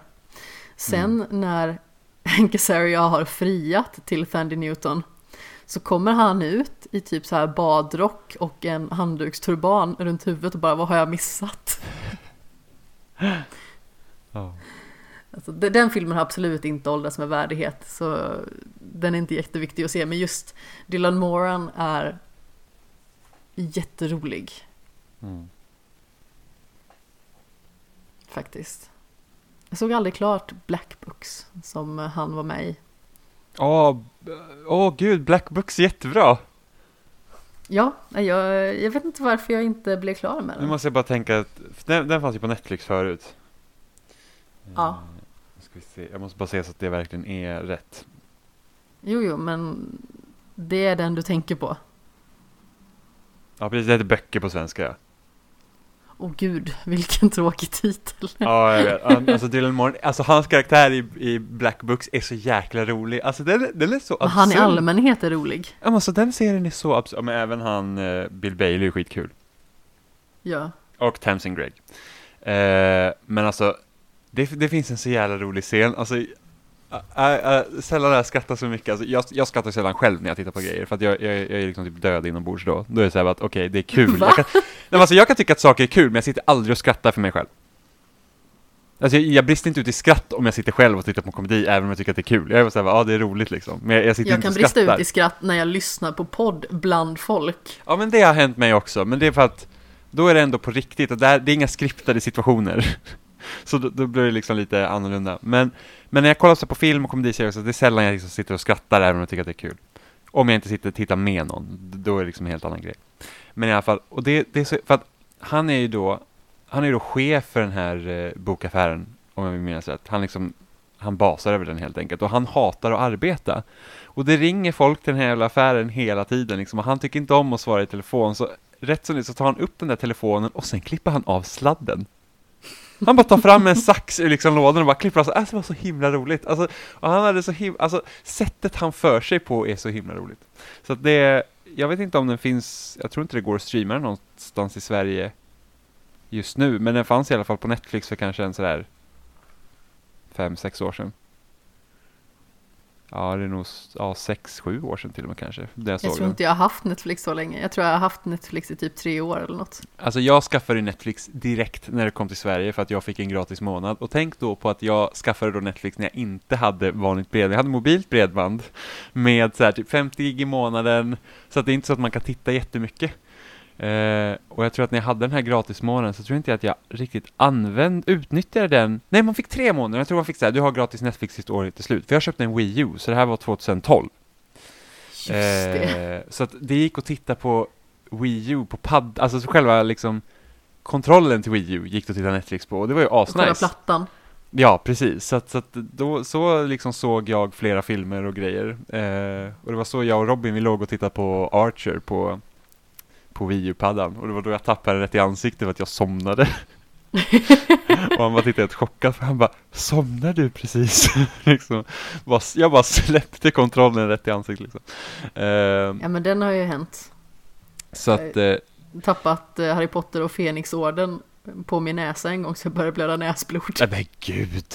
Och böcker har man i och för sig tappat många gånger på sig. Det gjorde lite halvont kan jag säga. Eh, men den så här, det kändes ändå så high tech att ha liksom Wii U-paddan och titta liksom typ på Uh. Netflix. ja men det kändes så här jätte, så här, Wii U-paddan ser ju verkligen ut som typ en så här, alltså det ser som typ, det är liksom iPadens motsvarighet på Duplo-lego liksom. Ja, det- verkligen. Ja, så att det, den är, det är så liksom, klumpig. det är en jätteklumpig, jätteskön att hålla i faktiskt, jätteskön att spela på, men den, den, den, Sant. se, den ser ju inte vacker ut. Men liksom, så det var ju liksom, kändes jätte high tech att titta på den, då hade inte jag någon iPad, jag tror iPad lanserades 2009 eller 2010 va? Någonting sånt. Ehm, nu har jag en kanske. iPad, och den tittar jag ju liksom jätteofta på. Alltså jag, när jag går och lägger mig på kvällarna så har jag liksom iPaden i sängen och så tittar jag på en serie, eller somnar till en serie rättare sagt. Alltså, jag tror rekordet för mig att somna till en serie det är så här 20 sekunder från att jag startade. Eh, men... Du är eh, väldigt bra på att somna. Ja, jag är oerhört bra på att somna. Eh, när jag tittar på saker. Men jag tror det blir liksom satt lite i system på mig också, att när jag slår på film och sånt så sover jag. För att då liksom, det, det är det jag liksom har vant mig vid. Eh, men Wii U-paddans liksom upplösning är ju otroligt mycket sämre än vad en iPad är liksom. Och nu är min iPad från 2000... Nej, 2018 tror jag. Och 2018, 2017 köpte jag den. Eh, men den- den, fungerar liksom jättebra att titta på, det, det är nice liksom. Men alltså, i, bara så här grej att vi liksom nu kan ha med oss och titta liksom på film och sånt överallt, det är ju liksom rätt så fascinerande ändå. Alltså jag, ja, hade en, verkligen. jag hade en bärbar DVD-spelare när jag var yngre. Alltså, Jag också. f- Så att, så att, och eftersom vi åkte ju mycket och tävlade och sånt på helgerna så hade vi med den jämt. Liksom, så tog man med sig sin bärbara DVD-spelare och så hade man med en tv-serie i box liksom. Och så satt man liksom och, och, och, och, försökte titta igenom. Så var, försökte man ju planera då, så att ska man åka långt till exempel till- ner till Jägersro eller någonting sånt. Det liksom tar typ 10 timmar att åka. Det var, jag måste ha med mig tillräckligt mycket grejer för att liksom, jag ska kunna ha grejer att titta på vägen ner och vägen upp. Ehm, och sen så typ ibland så när vi åkte till Finland så åkte vi inte så här typ Silja och Viking Line, man åkte liksom över natten utan man åkte fraktfartygen som åkte på morgonen och då hade man så här 12 timmar båt att åka över dagen, vilket var hemskt. Och då hade jag en sån här liten adapter till min bärbara DVD-spelare så jag kunde koppla in RGB-sladdar i den så jag kunde spela på den. Eh, om man hade med typ eh, min, jag brukar ta med Wien, så kunde jag spela Wii-spel och GameCube-spel på den. Så jag klarade ut Metro Prime på det sättet, så här, 7 tums liten skärm liksom så att man spelar vid, så det var, det var nice. Härliga tider. Jag minns att jag hade ett sånt här litet eh, CD-DVD-fodral som jag hade Ja. med mig. Med eh, massa saker att kolla på när vi åkte. Alltså dels när vi åkte till eh, Italien på, på sommaren. Vi bilar ju hela vägen ner. Mm. Och det tar ju sin lilla tid. Men även typ när vi skulle besöka släktingar och så. I och med att de eh, bor inte så jättenära. Mm. Så då var det väldigt fiffigt när man liksom var i den åldern. Sen minns jag, alltså det är så himla roligt när man tänker tillbaka på det. Alltså det var ju innan det fanns den typen av hjälpmedel, hjälpmedel inom citationstecken då. Eh, när man var så pass liten att det liksom inte fanns den typen av teknologi. Utan då fick man kanske läsa en bok ungefär. Mm. när man var riktigt liten. Och eh, då så mätte vi liksom längd i Scooby-Doo-avsnitt. Så jag frågade pappa hur långt det var kvar och sedan så konverterade han det i hur, hur långt liksom det skulle vara i Scooby-Doo-avsnitt. Ja. Så man bara så här, ja men pappa hur långt är det kvar till vi är framme? Ja, fem Scooby-Doo-avsnitt. Och jag minns man hade med sin Gameboy också, så här, och satt och Ja. spelade i bilen och sen blev det liksom, började bli mörkare och mörkare och man ser liksom ingenting för den skärmen var ju liksom inte bra. Jag kommer ju ihåg när jag fick eh, Pokémon Kristall. Mm. Fick jag på den leksaksaffären som finns i Kristianstad. Jag hade varit och hälsat på farmor. Och jag tror att det var på, på sommaren att jag fick det typ i det var tidig födelsedagspresent eller något sånt. Jag kommer inte riktigt ihåg. Jag kanske är helt ute och cyklar nu med när det släpptes och sådär. Men jag minns att jag fick det där i alla fall och hela vägen hem från farmor så satt jag och spelade det i bilen. Ja, det var härliga tider. På en liten Game Boy Color. Mm. Jag och en kompis, vi spelade, vi var ju och tävlade i Finland och så spelade vi någon sån här Looney Tunes-spel på Gameboy. Och Som vi försökte, och vi klarade aldrig och det var alltid så här för att det fanns ingen sparfil så att man, man kunde inte spara, så man spelade så länge batterierna höll liksom. Så får man ju bara hoppas att man inte hade de här, alltså riktigt så här billiga typ rusta batterierna som typ tar slut bara man tittar på dem. men, eh, så att, men vi klarade aldrig det Looney Tunes-spelet, men det var så att, ja man, okej, där var batterierna slut, byta batterier så börjar man ju bara om. Jag kommer ihåg en sommar när eh, vi bilade ner till Italien och sedan till Frankrike. Och då hade jag med min Game Boy Advance. Det var innan jag hade skaffat en eh, 3DS. Mm. Och då spelade jag ut Super Mario 2 på den, Ja, den portade versionen. Jäklar vad irriterad jag var på, jag tror att det var näst sista banan eller någonting sånt. Jag har aldrig spelat Super Mario 2. Nähä? Nej. För det, alltså, det, det är ganska rolig historia bakom den utvecklingen, för det är egentligen inget Super Mario-spel från början, utan det var ju ett helt annat spel. Ja, det är Eh, ju s- egentligen eh, Duki Duki Panic. Precis, och sen när man, var det när det portades över till USA va? Då blev det Super Mario Bros 2. Eller Ja, men sånt. precis. Eh, För det var ju fortfarande Duki Duki Panic till eh, Famicom. Mm. För att eh, de tyckte att Lost Levels var för svårt som Super Mario Bros 2. Mm. Så eh, därför så gjorde de ett Mario-spel av Duki Duki Panic istället. Mm. Ja, på den tiden var det så himla konstiga grejer. Typ, jag vet att Final Fantasy var ju jättemärkligt liksom numrerat. Ja, men I precis. Nordamerika också. Final Fantasy 6 är Final Fantasy 3 där. Exakt. På den tiden när man inte så här, alla spel kom eller man kunde få vänta liksom flera år. Jag tror det absolut det värsta liksom väntan jag har varit med om när det kommer till liksom ett spelsläpp, det var ju när Super Smash Bros Brawl skulle komma till Wii. Och det har varit en jäkla Ah. hype liksom i flera år och sen så liksom kom det ut i för att jag var ju medlem också på officiella Nintendo-forumet i Sverige eh, som Bergsala hade då. Och, och det var ju liksom så att det fick väl typ någon så här mars eller någonting sånt kom det ut i, liksom i hela världen. Men Europa skulle först få det liksom i slutet av juni eller om det var till och med juli. Så att det, det var ju liksom det var nästan som att hypen typ bara dog så här, för att de som brydde sig jättemycket de har liksom så här importerat typ freeloaders och så importerar de spelet eller så hackar de sin Wii och så lyckas de liksom få det på det sättet. Så att det var liksom att all spänning man hade till att alla liksom skulle sitta och spela samma spel på en gång där, liksom, den fanns ju liksom inte. Så det var ju jättetråkigt och så kom det ut vilka, exakt vilka alla karaktärer som var med och allt sånt där. Så det, det var verkligen, det kändes verkligen, det, det var jobbigt, speciellt när man liksom, vad kan jag varit då? 2016 var jag då. Eh, så att det, det var liksom, det var jobbigt. Det lät som att du sa 2016 var jag då. Jaha, nej, nej, nej, jag sa 2006, sex- nej, 2007 kom det ut, 2000, eller var det, var det 2008? När fan kom, nej, Brawl kom inte ut 2007? Eller var det 2008? Jag vågar inte ta gift på Mario det. Kart Wii kom ut 2008 tror jag. Ehm, Är det nu man ska smyggoogla lite i bakgrunden för att kolla upp det här kanske? Ja, jag vill veta. Nej, det måste ha varit 2008. Nej, 2008 måste ha kommit ut för att jag var på min första spelträff då, så 17 var jag. Gud, jag känner, jag känner mig lite för gammal för att känna mig så upprörd över en försening. Släpptes för första gången 31 januari 2008. Precis, det var i Japan. Sen 9 mars 2008 i USA och sen så fick Europa det 27 juni 2008. Så att eh, det var det var lite jobbigt. För det var liksom också första liksom gången som Alltså GameCube var ju liksom min första konsol som jag fick ganska liksom tidigt då. Det var, alltså den släpptes i maj 2002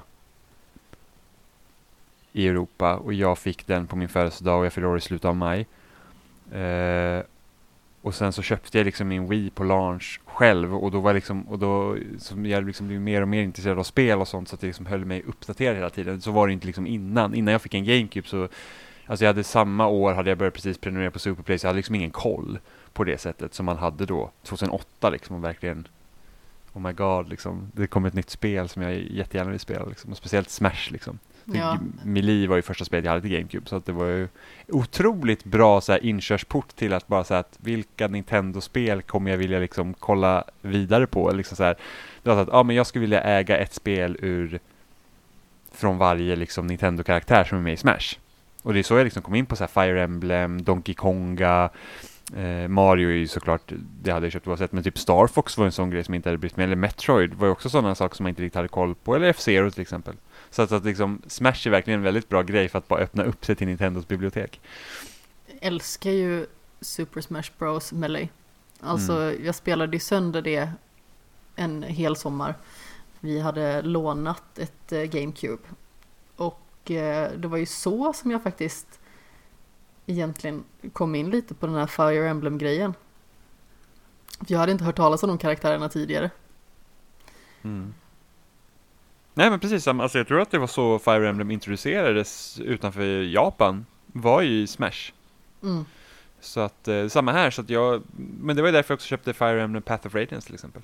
Ja, Så att, jag har eh, ju ända sedan dess spelat eh, Marth som min eh, första karaktär. Mm, ja, jag spelade Roy i Melee, det var liksom Mm. min go-to-karaktär. Men sen efter Melee så har inte jag haft en karaktär som jag liksom, den här spelar jag som. Utan, Jag har alltid Marth.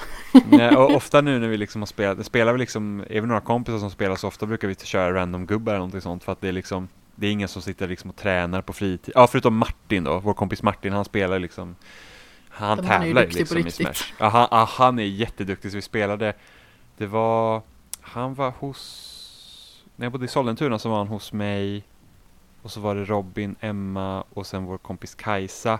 Så vi spelade typ, vi spelade liksom Smash och vi spelade typ Mario Kart Double där och sådana grejer och han är liksom, han är så duktig på de spelen så att det var ju liksom Inte Vi- ens kul. mm, ah, Jo, nu var jo alltså tycker jag, alltså okej Smash, möta Martin i Smash, det är inte jätteroligt för att han är så pass mycket bättre. Eh, Mario Kart kan man ju fortfarande ha kul liksom i. Eh, men det var, det, det var hårt. Han är jätteduktig i Smash och ibland så ser man honom sån här eh, han lägger upp ibland så videos på Twitter när han tagit ut någon på så här fort man så här, alltså här, vilken jävla kontroll man kan ha liksom. Det, det är fascinerande. Ja, Jag jag, har är ju inte speciellt bra. Jag tycker bara det är kul. Mm. Jag är ju, alltså jag är ju hyfsad i alla fall mot liksom i den egen, förutom Martin så är jag liksom hyfsad mot liksom den kompiskretsen man har då. Och det är då det är som mest roligt. Det är därför typ fightingspel överlag och köra online är inte speciellt kul för att alltså i, i ett fightingspel så kräver det nog ändå ganska mycket att man liksom är jämn Alltså i, i samma nivå som när man möter, annars är det liksom tråkigt. Det är inte kul att dominera totalt och det är inte kul att bli totalt dominerad heller. För att det är liksom så att det är inte roligt, utan det är ju roligast när man är liksom jämn. Och det roligaste med Smash är ju det att du kan ha liksom saker på och liksom items man kan slänga på varandra och lite sådana grejer som gör att även om man är liksom inte lika bra som varandra så ha, kan man ändå ha liksom en chans. Man kan jämna ut det hela lite. Precis, men så här spelar vi, när vi brukar spela mot Martin och så, så han kör ju liksom så här tournamentregler, så då är det ju inga grejer alls. Och då, då åker man ju på stryk liksom. Jag tycker ju grejerna är jätteroliga. Så jag Man får och. ju alltid jättepanik när någon får hammaren. Ja. Men, men det är liksom, det är både och. Jag kan tycka att det är kul att köra utan grejer också. Så till exempel jag och Robin har ju mötts sådär one-on-one flera- eh, Jag vet Smash till Wii U så mötte vi varandra. Och så vann jag mot honom. Och sen han bara, jag vill ha en rematch. Jag bara, nej, jag, jag vann nu så att det får vara liksom. Han bara, nej. Så han blev, han blev så jävla sur på att inte jag ville möta honom igen. Eh, och sen så vår kompis Sebastian, han, han är skitbra av någon lustig anledning på att få upp grejer på banan. Alltså det är liksom, är det en pokéboll så är det fan han är där och får den liksom. Även om alla dyker efter den där pokébollen så är det alltid han som kommer segra i striden. Jag tror någon gång så var det bara jag och han kvar på planen för att ofta kör vi med liv också när vi, när vi spelar fyra stycken. Ja. Och då, så liksom, då lyckas jag äntligen få den här pokébollen och slänga den mot hans håll och han fångar den där jäkeln i luften. Så att han får ju den grejen i alla fall. Ja, det var, ja, det var helt galet. Vad absurt. Ja men jätteabsurt att vi, alltså att vi typ skrattade så vi grät för det var liksom bara så att det är inte sant. liksom. Oliver hade så ont i magen efter det att han liksom, han typ låg på golvet och bara tjöt av skratt liksom. Ja, min var- största Smash-stolthet, det var nog när jag var på Retroresan Meetup första gången. Det var alltså eh, sen sommaren 2015 måste det ha varit. Och då hade de en Smash-turnering som jag gick till final i. Då var jag mycket nöjd. Mm, ja, det är jätteroligt. Ja, det var väldigt skoj. Ja, ja, jag har fick ju, ju pisk där, jag tror jag kom trea. ja, men det är ändå bra. Alltså jag, vi hade någon turnering i Mario Kart Double Dash och Double Dash är ju liksom det, det, det är mitt favorit Mario Kart. Eh, och vi hade någon turnering i, på en spelträff jag var på också och då kom jag tvåa. Och det var så himla störigt, vi var tre stycken i finalen och då kör man ju utan bottar. Och det var bara det att personen som låg sist fick inga blåa skal eller någonting som gjorde att jag kunde komma ikapp ettan. Och det var så himla irriterande. Jag, fan, kom igen. liksom få någonting som inte segar ner mig utan bara ettan. För att de grejerna finns ju liksom i spelet. Eh, så det var lite irriterande. Men Double Dash är ju, alltså jag, jag älskar verkligen det spelet. Alltså jag och min syster vi har spelat det så mycket. Alltså vi, från att det släpptes 2003 till liksom Alltså även efter att Wii hade släppts och även att efter att Mario Kart Wii hade kommit ut så var det liksom Double Dash vi spelade och ibland kunde det vara så att men vi hade liksom en hel månad där vi liksom spelade Mario Kart varje dag Ja, och körde bara så här all-cup tour så att man körde igenom alla banorna och det tog typ 45 minuter och sen så kunde man gå och fortsätta göra något annat liksom. Det var så Alltså, roligt. älskar ju berättelsen om när din syster bryter ihop. Ja, bara när ni ska totalt, spela en cup. ja, totalt grå. Ja, jag hade kört en jävla flower cup och försökte få guld i den på 150cc och den där förbannade jäkla växten som bara vann hela tiden och hon var, och, så, och vi tänkte inte heller på att vi kunde liksom sitta i samma bil och samarbeta utan nej, vi skulle vara i varsin bil vilket gjorde att vi förstörde ofta för oss själva för att hon var ju liksom väldigt duktig i Mario Kart Double Dash också liksom. Eh, så att, eh, så att till slut så hon bara liksom släppte kontrollen och gick till, eh, ut ur rummet och sen ner i vår trapp och satte sig där och så här, satt vid liksom fönstret så här kall vinterkväll liksom var så här, vi kommer aldrig klara det och så bara,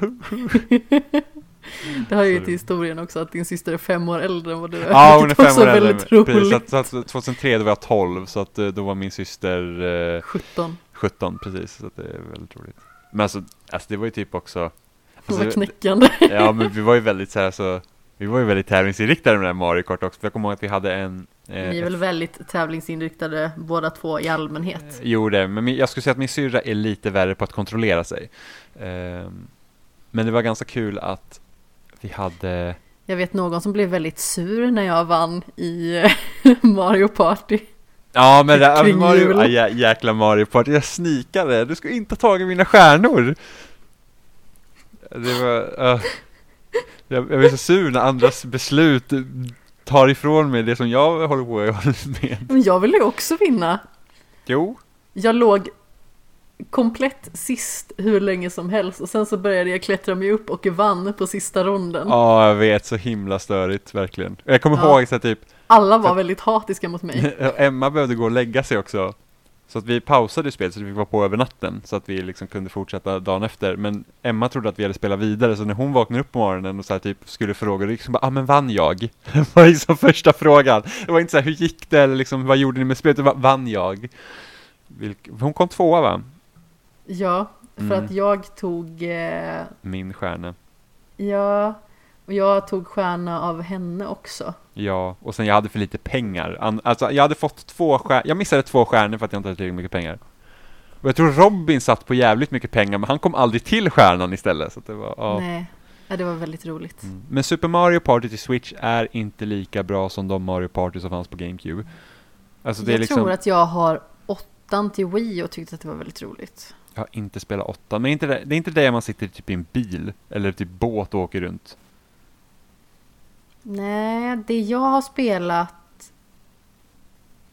så åker man inte runt i en bil. Jag tror att det är spelet efter va? Kan det vara Mario Party 9 eller 10 som hade det? Jag tror det. Jag, jag tror att det är åttan jag har i alla fall. Jag ska Ja. inte svära på det, men jag, jag tror det. Jag Eh, köpte inget, alltså mitt, mitt senaste Mario Party innan Super Mario Party var Mario Party 7 och det kom till GameCube. Då hade man lite Jag- mikrofon, så man hade liksom eh, spel som man styrde med rösten. Ja, jag köpte ju Wii när Game la ner.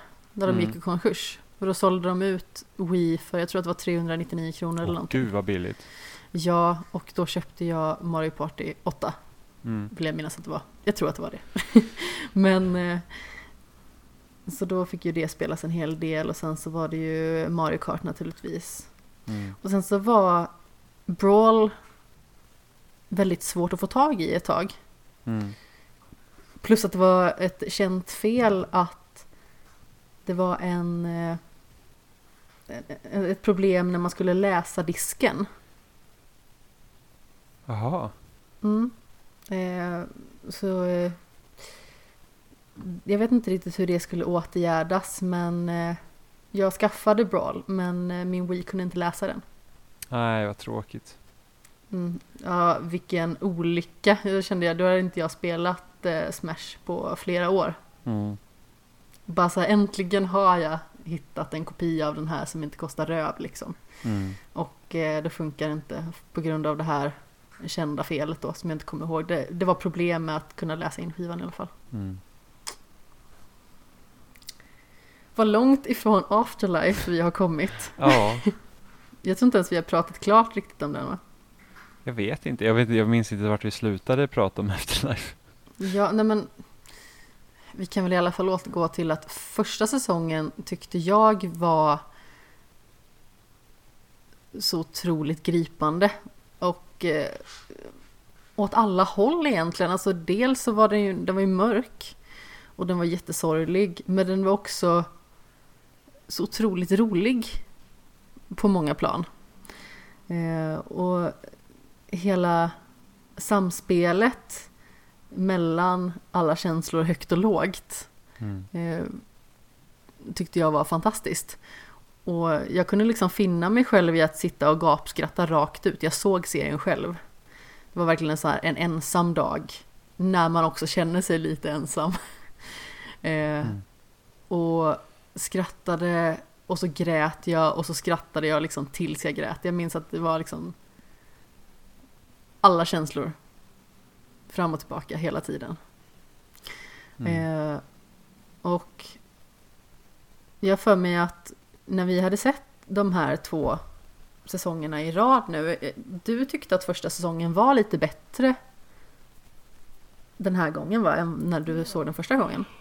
Ja, det ska jag nog säga. Vad var det som gjorde det? Jag vet egentligen inte riktigt. Sällskapet. Nej, nej, nej. Så, Men, eh, jag, jag, vet, jag vet faktiskt inte varför jag tycker att den är bättre. Det är kanske för att jag vet lite vad jag har att förvänta mig och sådär. Jag tycker fortfarande att Derek är bättre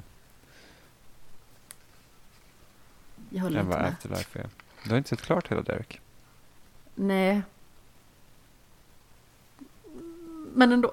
nej, nej, punkt. Eh, så att, eh, Men du blev mig- ju väldigt tagen av andra säsongen. ja, men det var ju för att det var ju så hemskt. Ja, det var jättehemskt. Men det var också väldigt fint för att du var mer snyftig än vad jag var för en gångs skull. Jo, men alltså, jag, jag tror att, jag tror att det, det som tog mest var nog att, den där, att hunden var med liksom. Det, det tror jag liksom Ja. gjorde det värre. Eftersom jag det själv har hund och sådana där grejer också. Så att man, man tänker liksom att hur hemskt det hade varit. Ja. Ja, Jag var också lipig. När vi såg andra säsongen. Inte lika som när jag såg första säsongen första gången. Men eh, ja, både du och jag är ju ganska så, ska man säga? Vi är ganska så bra kandidater till årets lipsill, Mm. kan man väl lugnt säga. Men det kan också bero på.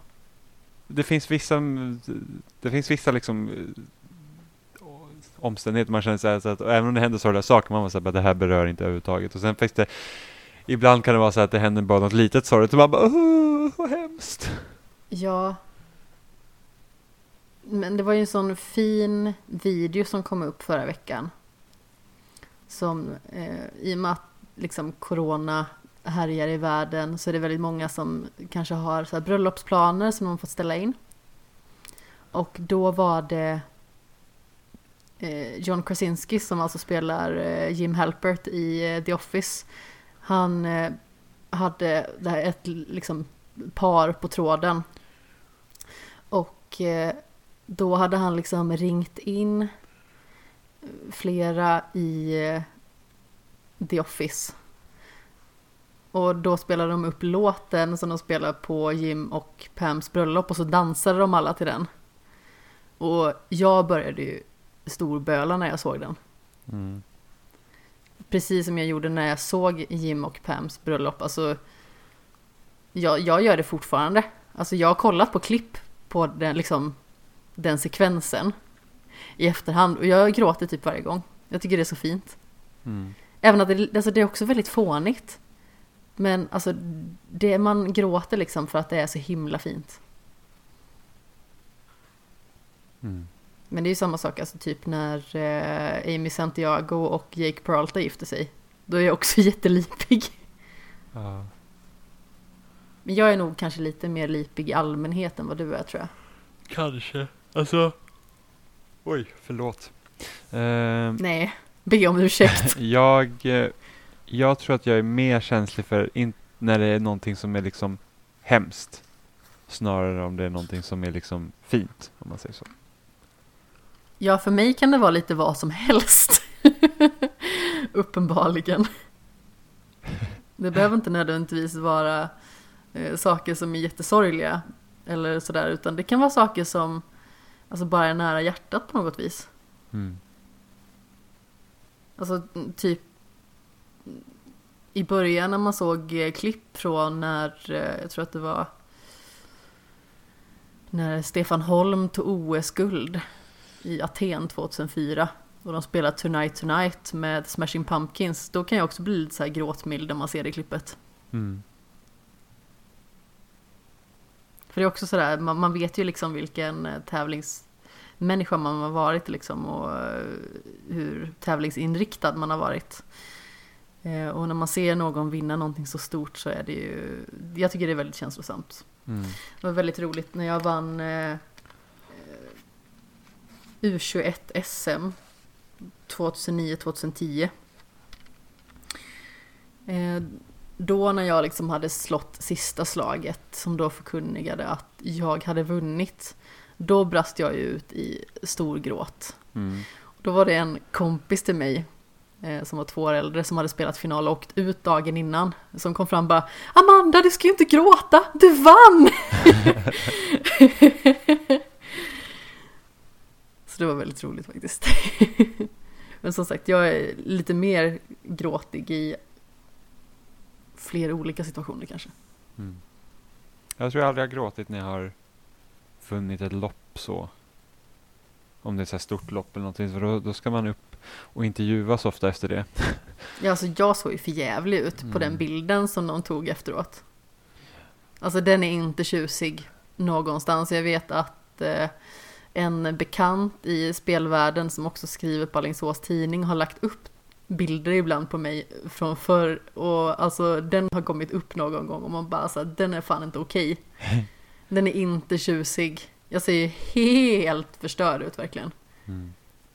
Det ser ut som att någon liksom har manglat in eh, två kilo chili i ansiktet på mig.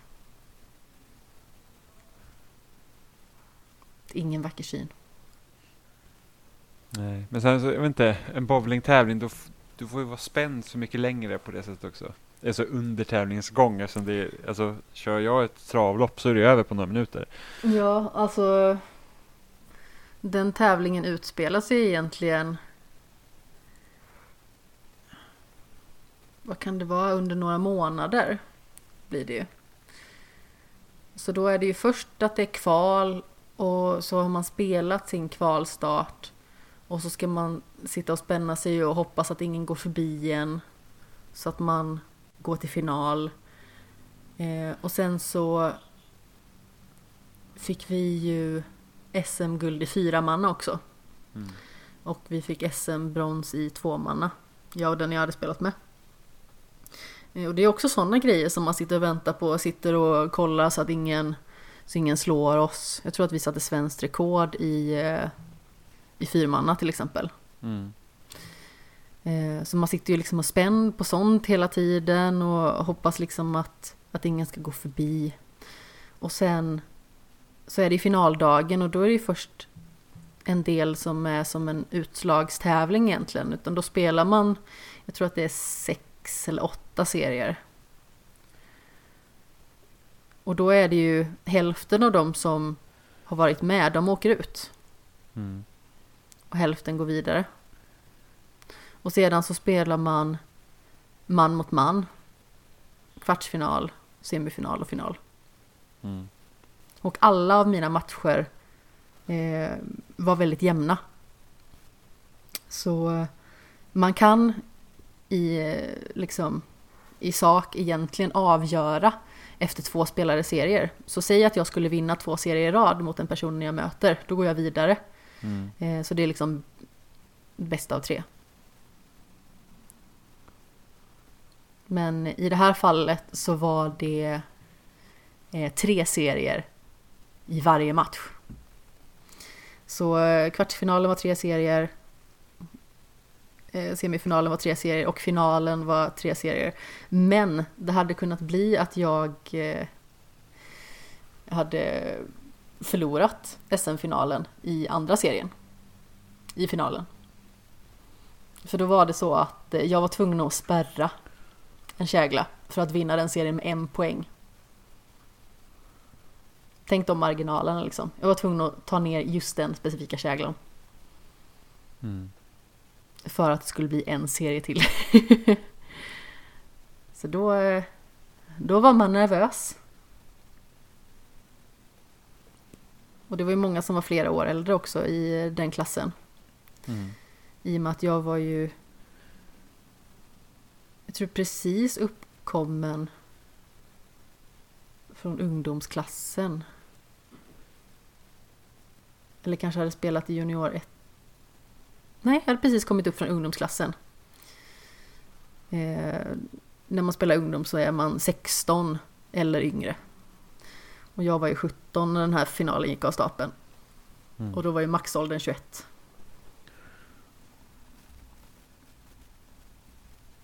Nu spårade vi iväg igen. Ja, Vad härligt. Vi är väldigt bra på det. ja. Stämmer. Ja, men vi har ju faktiskt inte bara sett eh, serier.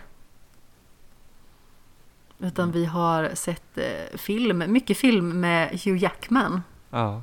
Vi såg bland annat eh, Bad Education. Som, eh, som vi båda kanske tyckte att den var hyfsad någonstans. Mm. Eh, Jag tyckte att den var bra. Jag Kanske tyckte den var okej. rent Jag, ut sagt. jag tyckte den var okej. Men som sagt, det kanske inte finns så jättemycket att säga om den egentligen. Men själva godbiten i det här sammanhanget, det var ju att du äntligen fick sett Prisoners. Ja. Regisserad av en av mina favoritregissörer, Denis Villeneuve.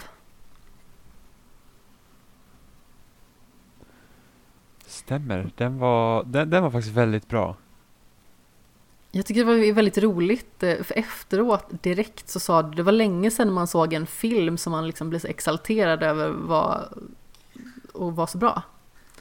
Ja, eftersom, alltså, vi, vi såg ju, vi kollade på någon annan så Netflix-film också, eller började kolla på den och jag tror vi båda somnade och sen så var det så här, ska vi se klart den? Så bara, eh. Alltså vi kollade på en hel del skrutt.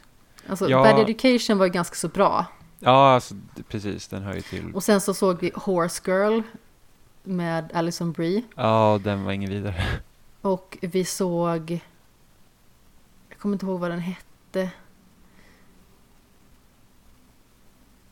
Träskets hämnd hette den så. Jag kommer inte ihåg. Det är i alla fall med eh, han som spelar Berlin i La Casa de Papel. Ja, just det. Ja, nej, den var ingen bra heller. Jag sov till stor, stor del av den också. Och sen så var så att, men det kändes inte som att, åh ja, jag vill jag vill eh, se den liksom, utan den, den var också väldigt märklig. På engelska hette filmen i alla fall The Silence of the March. Mm. Eh, nej, Träskets tystnad hette den på svenska. Med Mm. då eh, Pedro Alonso som spelar huvudrollen. Som gör det extremt bra i La Casa de Papel. Men Mm. eh, den filmen var inte så spännande. Nej, verkligen inte. Men Prisoners var bra i alla fall. Det är en fantastisk film. Jag kände verkligen att den hade, den var liksom, jag ska säga, den var liksom spännande och för att man, det var en, så- den intrigen man drogs in i var liksom väldigt så här. För det var så svårt att veta liksom att du har, det är det här, de här barnen som försvinner och sen har du liksom en pappa som försöker liksom gå, alltså gå över lik för i princip för att hitta henne. Och sen har du den här polisen som försöker liksom reda ut allting och liksom hitta kopplingarna till vem som har gjort det här och, att, och sen liksom hur man spelar på att ah, vi tror att det är den här personen och, och, och, och, och sen så visar det sig att det är någon helt annan. En så ganska klassisk liksom sån här typ egentligen deckarhistoria liksom att, att det är en karaktär som man liksom inte alls tror att det ska vara som egentligen är skurken om man säger så. Ja, fast den är ju inte klassisk på det sättet att den man tror att det är hela tiden, den är ju faktiskt också involverad, men Precis. inte på det sättet som man tror. Nej, exakt. Eh, så att det, det är väldigt det är väldigt spännande så för att det, man får ju liksom olika Alltså just också på grund av att det som händer i den här filmen med liksom Hugh Jackmans karaktär då som är, som är pappan till en av flickorna som Han blir ju rabiat verkligen. Ja, precis. Och det är bara att man kan inte riktigt lita på att det han är med om verkligen händer. För det är liksom som typ, man har det här, eh, som den här eh, människan som han liksom då fångar och håller liksom instängd i ett av hans hus. Eh, och typ torterar för att få fram sanningen då, som också, som har någon form av eh, utvecklingsskada eller någonting sånt. Så att han är liksom inte riktigt klar i huvudet heller. Eh, men han liksom säger saker till Hugh Jackmans karaktär som får honom att vara så här att det är den här personen, han vet vart eh, de här flickorna är. Men sen så blånekar han inför, inför polisen och sådana där grejer. Så att man är så här att Alltså eftersom ju längre tiden går så liksom blir nästan Hugh Jackmans karaktär liksom mer desperat och han dricker alkohol och sådana grejer. Så man kan inte riktigt lita på att det han faktiskt är med om stämmer till 100%. Så att det gör Men att man man blir ändå, lite osäker på om det är någon form av vanföreställning Precis, att man är kring så den här, här hemliga karaktären då Ja. som eh, spelas av Paul Dano. Ja, så att det är så att hö- hörde han det där, alltså fick han verkligen höra det eller låtsades, eller tror han att han hörde det och det har egentligen inte hänt. Så att det, är- det är massa sådana saker som är, jag tycker jag är jättespännande. Ja, precis. Och sen så har vi ju eh, Jake Gyllenhaal som spelar eh, eh, kriminaldetektiven i sammanhanget som aldrig har eh, eh, jag höll på att säga missat ett fall, men eh, Han har- det han finns inget fall, fall. Precis, det finns inget fall som han inte har löst. Exakt. Som eh, gör vad han kan liksom för att eh, nysta i det här fallet. Mm. Och det finns många små detaljer som man märker under vägens gång när man har sett filmen tidigare också. Som gör själva helheten så mycket klarare. Och det, jag gillar det. När man ser en film och så ser man nya saker. Mm. Det är vissa saker som eh, på Har grund av att det händer så mycket som är ganska lätt att missa. Mm, har du några exempel? På saker som du missade tidigare som du märkte den här gången? Ja, alltså en grej som händer det, det är ju att eh, den här eh, Paul Danos karaktär han eh, bor hos, jag tror att det ska vara hans faster eller någonting i den stilen. Och hon säger att hennes man har varit försvunnen i si och så många år. Och eh, tidigare har man fått se en man som har kastat ner en annan man i en källare. Och jag tänkte inte på det för den här gången, att, eh, att det måste ju vara hennes man. För att de tror inte på honom när han säger att den här mannen har begått övergrepp och dödat eh, si och så många barn. Mm. Eller kanske inom citationstecken bara har dödat dem. Men alltså han har dödat ett visst antal barn. Eh, och man tror ju inte honom för att han är ju också skurkaktig, den här personen som de har tagit in. Mm. Eh, och har också fuffens för sig. Eh, men det är först nu som jag liksom har tänkt på det. Alltså det kanske är mer uppenbart egentligen, men jag har inte tänkt på det innan att det måste ju vara hennes man som är i den källaren. Mm.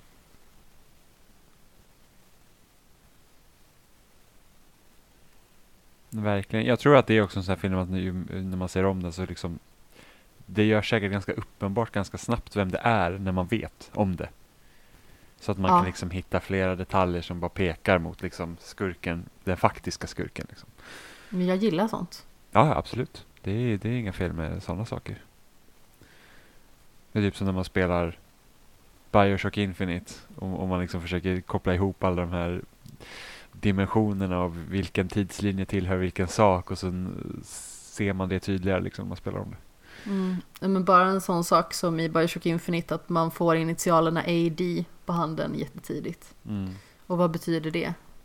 Men även så här, vilka versioner av Lutess är det man träffar vid vilka tidpunkter. Mm. är ju också väldigt spännande. Men jättebra film. Jag har, inte så här, jag har inte sett så mycket med Hugh Jackman men han är faktiskt riktigt bra. Han är suverän verkligen. Mm. Alltså även i Bad Education som kanske liksom inte var en 10 av 10 film sådär. Men hans skådespelarinsats är också tipptopp verkligen. Ja, verkligen. Han spelar liksom jättebra. Var den här liksom... Alltså det är så himla kul också han spelar i Bad Education för det är så att det är som att Ja, har han lite fuffens för sig eller liksom har han hjälpt andra att göra lite fuffens för sig men han är egentligen en hygglig man till att liksom vara så att nej, han är fan en av de vidrigaste av dem egentligen. Ja men precis. Han är jättebra på att spela en karaktär som håller masken på något vis. Mm, verkligen. I det här fallet. För man tror ju liksom gott om honom in i det sista Ja, i den. Och man... Även om det skulle kunna finnas tecken så ser man inte riktigt dem. nej. Men sen är han ju också han är ju inte helt genom rutten och så, men han, han blir ju nästan sitt eget förfall där med tanke på att han, det är den här unga studenten då som han liksom eh, pushar liksom För. att, eh, inte, inte för, utan pushar till att säga att okej, men om du ska liksom bli journalist på riktigt så får du se liksom till att hitta storyn den Jaha, finns. Liksom, ja, jag trodde du menade personen som han har ett förhållande med. Ja, nej, nej, nej, utan, utan då hon eh, Den Hon- unga flickan som... ja, precis, eh, som faktiskt eh, typ avslöjar hela grejen som händer. Liksom, Hon skriver för skoltidningen. Precis, så vad kan hon vara? Typ 14-15? Ja, hon börjar rota i eh, arkivet Precis. eh, på skolan och eh, börjar kolla igenom alla kvitton och ja, eh, vad, vad, som är köpt, sådant. vad som är köpt för skolans pengar och lite sådana grejer. Så det, och Mm. det här var ju baserat på en verklig historia va? Ja, Så att det var ju väldigt liksom, kul att han Han var så att, ja men se till, så här gör man liksom journalistiskt arbete så att det liksom finns inga Får du ett tråkigt uppdrag i ditt jobb att hitta storyn där och så, liksom, och så hittar hon den här jättestora storyn och så liksom eskalerar det. Så det är väldigt Ja. bra. Just, det, just den biten var faktiskt riktigt eh, spännande. Mm. Med hur hon liksom nystar upp allting. Mm. Men vad säger du, ska vi gå in på dagens eh, huvudrätt? Ja, absolut. Vi har ju sett någonting som heter Normal People. Ja, Days like this shake pomegranates.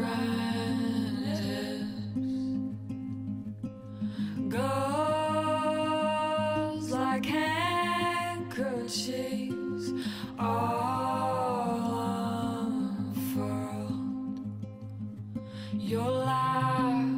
dandelion world.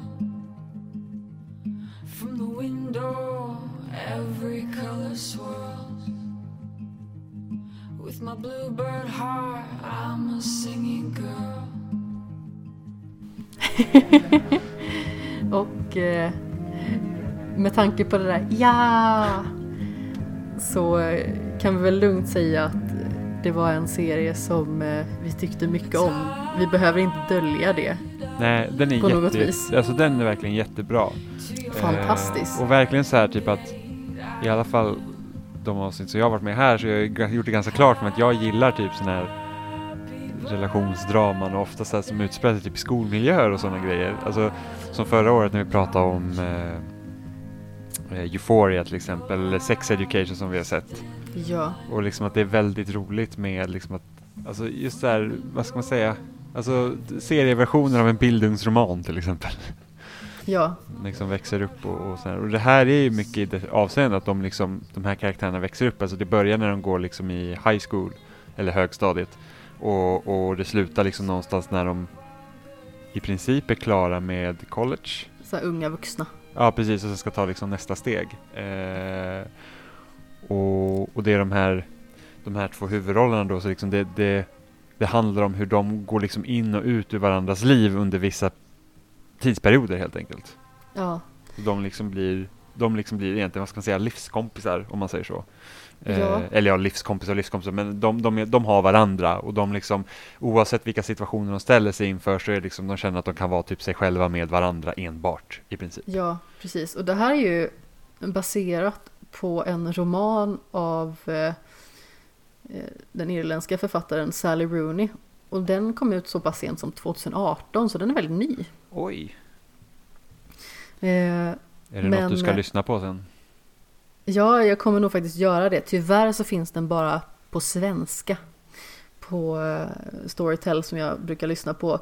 Men hennes eh, förra bok som heter eh, Conversations with Friends finns eh, på engelska. Så den ska jag nog börja kolla på, Ja, lyssna men, på. eh, men Storytel, har de alltså böcker på engelska också? ja, Det är absolut. jättebra. Eh, det är där jag lyssnar på Harry Potter. Ja.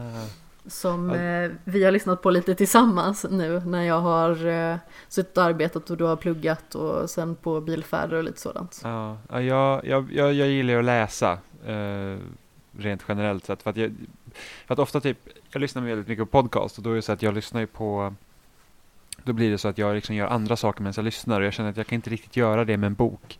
För att då vill jag liksom vara koncentrerad på faktiskt vad som händer i boken. Eh, Ja. Men, men sen just Harry Potter till exempel, det är ju böcker som jag har läst om Mm. så otroligt många gånger. Jag tror inte jag kan liksom räkna det på två händer ens. Men Nej men precis, och då är det ju en annan grej. det blir liksom en, vet inte, en extra trevnadsgrej i tillvaron på något vis att lyssna på de böckerna. Och sen så i allmänhet, så jag tycker det är trevligt att lyssna på böcker även när jag jobbar för att jag har ett så pass monotont arbete där det handlar om mycket att eh, liksom mata in siffror. Så då går det ganska bra att lyssna på bok. Det beror på naturligtvis väldigt mycket vad det är för någonting. Ibland Mm. funkar eh, inte ens podd utan då är det liksom så här att nu ska jag göra det här, det här behöver gå fort. Då sätter jag på snabb musik och bara matar liksom. Mm. Men ofta så går eh, både podd och bok väldigt bra att lyssna på samtidigt som jag arbetar. Mm. Och även när jag sitter och tecknar tycker jag att det är väldigt trivsamt att ha någonting att lyssna på. Om inte jag tittar på någonting med ett Mm. öga samtidigt. Men eh, Normal People i alla fall, det handlar ju om eh, en tjej som heter Marianne. Eh, hon ja men tillhör väl överklassen egentligen. Mm. Hon är väldigt intelligent, Hon är högintelligent. absolut, och hon är väldigt udda. Också väldigt kvick. Har alltid svar på tal. Sådär. Mm. Och sen å andra sidan så har vi Connell som eh, har en eh, ensamstående mamma som i sin tur jobbar då hos eh, Marians familj. Som också, eh, där är den ensamstående mamma men eh, Marian har också en bror som är ett rövhål. Eh, Ja. men Connell eh, är också väldigt begåvad. Han eh, inte bara är, väldigt bra på sport, han är också eh, superintelligent och vill bli författare. Eller han gillar att författa åtminstone. Mm. Och eh, de här personerna eh, börjar successivt liksom komma lite närmare varandra. Eh, så till den grad att Marian liksom säger att "Ja, men jag tycker om dig. Eh, och då måste liksom det få landa lite hos Connell och han säger liksom ja men betyder det det här och det här? Det är liksom inte bara att du tycker om mig som en kompis utan det är liksom eh, lite mer än så. Eh, och det resulterar i att de eh, börjar ligga med varandra. De har liksom inget eh, förhållande där de visar upp sig i skolan. Dels för att Connell är lite feg bara för att eh, de han hänger ihop med är skolans rötägg. Eh, den typen av personer som ja, men, slänger slimiga kommentarer, är oförskämda och inte respekterar andra människor helt enkelt. Och Marianne har liksom inte riktigt någon. Så hon hade ju jättegärna sett att det kunde vara officiellt. Men eh, Connell eh, drar sig tillbaka lite eh, och Marianne på grund av att hon tycker om honom så mycket väljer ju att respektera det. Mm. Eh, och jag tycker att det är väldigt fint också faktiskt hur de får ihop det för att det är lite valpigt sådär.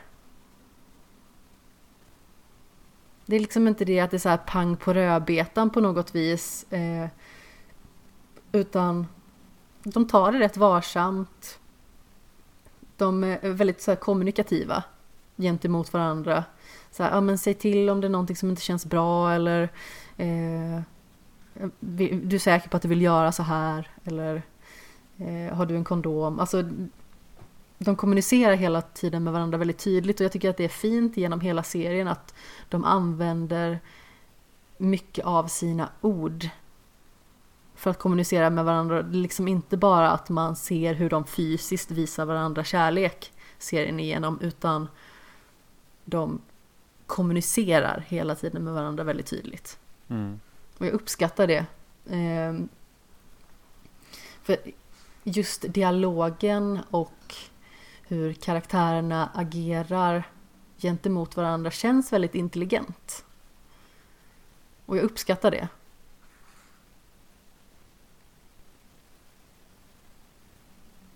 Mm, jag håller med. Sen en annan grej jag tycker är väldigt bra med den här serien också som ofta finns, eller som inte finns i den här serien men som ofta finns i andra serier, att det finns liksom ingen skurk. Det finns liksom ingen annan elev eller barn eller någonting som är liksom överdrivet vidrigt så att det nästan blir komiskt. Nej men precis, utan Nu- nu det finns ju ju de här som är... Elaka liksom. Ja, Men, det, men det är liksom inte typ som, om man tar till exempel Euphoria och så har du han, vad heter han, Nate tror jag, som var liksom precis. Att det blir liksom larvigt.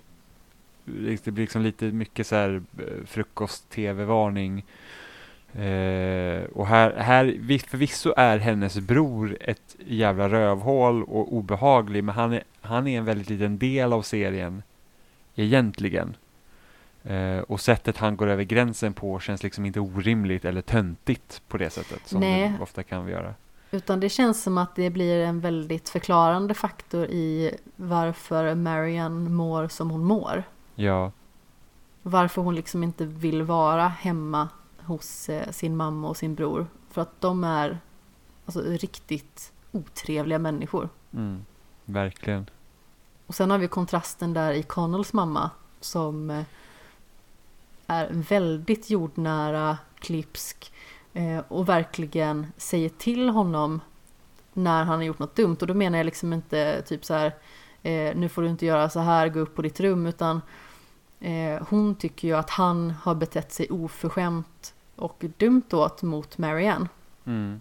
i flera situationer. Ja, hon, det tycker är att han, hon tycker att han liksom leker med hennes känslor. Ja, och det är så ovanligt i serier för ofta brukar föräldrarna stå på ungens sida. Eller så Ja. liksom står de inte på ungens sida på ett så dåligt sätt så att det är liksom ingen bra förälder. Alltså, Nej, hon, det- som, då Mariannes föräldrar som är rent av elaka, men man vet ju att Connells mamma bryr sig om honom, men liksom hon är såhär, okej, men det där är inte okej. Nej men precis, så här ska du inte behandla en annan människa. Mm. Eh, och han försöker liksom bara så här, ja men hon är ju med på det eller vad är problemet i stort sett. Och mamman liksom bara, jag köper inte det här, nu går jag istället. Så hon Ja. hoppar ur bilen och går därifrån. Ja, för att Eh, Connell är ändå ganska rövhålig mot Marianne många gånger. ja, men han är Speciellt inte i början uppenbart rövhålig. Det är det som är grejen, det är det som är lite, alltså problemet. Eh, det är ju att det finns ju en godtrogenhet liksom i Marianne för att hon tycker om Connell så himla mycket. Och hon gör allt för honom. Och han är liksom den populära killen. Alltså det är ju egentligen en berättelse som man har sett så himla många gånger. Eh, men den utspelas på ett så helt annorlunda vis. Alltså dels i hur den skådespelas och hur den framförs. Eh, hur den sätter stämningen med musiken tycker jag väldigt mycket om också. Väldigt bra musik i allmänhet genom serien. Eh, och sen det blir liksom aldrig det överdramatiska på något vis. Nej. Nej, den, den liksom håller ganska lågmäld ton rakt igenom. Utan det är liksom, alltså jag skulle nästan säga att liksom, alltså, om man nu tänker en annan film eller någonting sånt som liksom påminner om den så är det egentligen Call Me By Your Name. Ja, I sättet verkligen. hur den liksom går långsamt fram och liksom den, den tillåter liksom att vara med karaktärerna väldigt mycket. Det är liksom inga flashiga scener bara för att nu ska det hända någonting utan den liksom håller sig ganska, ganska lågmäld rakt igenom. Ja men precis och är det liksom en punkt som de båda kommer tillbaka till så är det ju varandra hela tiden.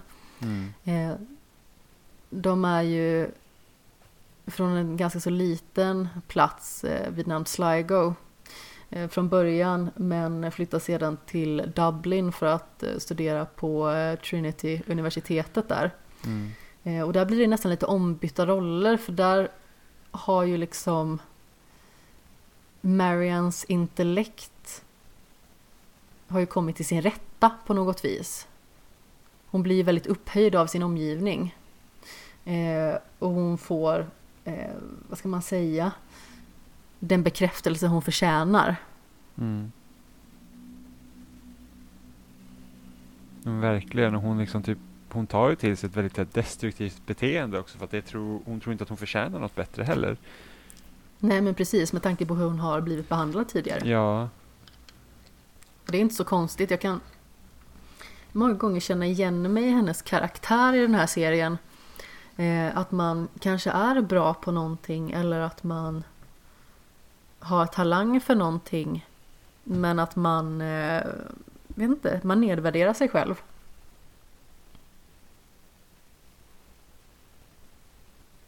Att man kanske hellre så här sätter andra i, i första hand. mm. Bara för att man själv tycker att man förtjänar inte att, eh, att ha det så bra. På något vis. Mm. Och det är ju säkert en anledning till att hon håller liksom ändå vid Connell hela tiden för att han har ju inte betett sig bra mot henne heller. Nej. Även om han, Trots han, han blir ju en bättre inte- människa liksom också. Ja, och han har ju väldiga problem med eh, panikångestattacker och eh, depression och sådant. Mm. Efter att eh, en av hans, ska man säga, vänner, men så här, närstående i den vänskapskretsen som han höll till i, i Sligo. Eh, Den här personen eh, begår självmord Mm. och eh, då blir han förkrossad och mår jättedåligt. Mm. Och han det, säg du först. Okej, eh, det är en av de scener som jag verkligen fastnade vid i den här serien. Det är när han är hos psykologen och pratar med henne. Mm. Och han bara får prata av sig och hans känslor liksom går i vågor och han börjar gråta och han försöker liksom få fram hur han känner och sådär. Jag tycker att det var en väldigt stark scen. För att det blir liksom inte massa konstiga inklipp eller montage eller någonting sånt under den tiden utan den scenen får verkligen ta sin tid. Mm.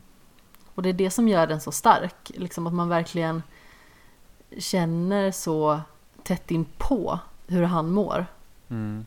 Ja, de leker väldigt mycket med kameravinklar för att det håller sig, alltså mycket i den här serien att det är väldigt mycket närbilder. Det är liksom, kameran är ofta, alltså in your face på karaktärerna. Mm. Så vilket gör att det känns liksom mycket mer intimt också. Ehm, och just det jag tycker är så intressant med Conan också är att han liksom känner inte att han, han platsar liksom inte in någonstans han är någonstans i. Han känner sig alltid, även om han är liksom populär i skolan och sånt så känner han sig alltid utanför för att han känner att han inte liksom får göra det han, eller han kan inte göra det han vill liksom. Han kan inte vara den han är på något sätt. Nej, och sen så liksom han är intresserad av vissa saker men han liksom lyckas inte hitta någon annan människa som han kan liksom vara sig själv med heller. Han känner sig liksom inte hemma någonstans med någon. Förutom Marianne då, som han liksom känner att han kan prata med vad som helst. Ja. Alltså det märker man ju redan i en ganska så tidig ålder när de går på eh, gymnasiet eller vad man ska säga. Jag vet Mm. inte om det är high school eller hur man... Jag, vet inte, det är så konstiga skolsystem annanstans än Sverige. ja, tycker vi i alla fall. Ja, nej men de har ju liksom Eh. så att, men det är, jag tror att det som stör till det är ju att vi, vi vår grundskola är kortare än många andras länder liksom. Så att med USA så går det i grundskolan tills du är 17 och sen går du in i college. Och då liksom college blir något mellanting mellan vårt universitet och gymnasium. Men gymnasium Ja. är mer likt deras high school, alltså det är jättekonstigt. Ja, nej men precis. Eh, men när han går i skolan i alla fall. Då har han ju liksom idrotten att luta sig tillbaka på. Och det är det som gör honom populär i Mm. mångt och mycket. Han visar ju liksom inte sina intellektuella sidor och sina skrivkunniga sidor på det sättet. För det är liksom ingen som har det intresset som han umgås med. Nej. Utan det är de här rövhattarna som han håller till med. Och alltså... Jag känner igen den typen av människa så himla väl. Som de rövhattarna är. Mm. Och jag blir så arg. Jag hade sån tur i skolan. Jag hamnade alltid liksom med folk som också tyckte om att lära sig saker och kunna liksom plugga och sådana grejer. Nej, det gjorde inte riktigt jag. Det har väl varit lite upp och ner. Alltså, det är klart att det har funnits ambitiösa människor eh, som också har gått liksom i samma klass eller åtminstone i eh, samma årskull. Mm. Sådär. Men eh, jag tror att inte förrän jag gick på gymnasiet efter jag hade bytt linje så tror jag att jag slapp rövhålen liksom.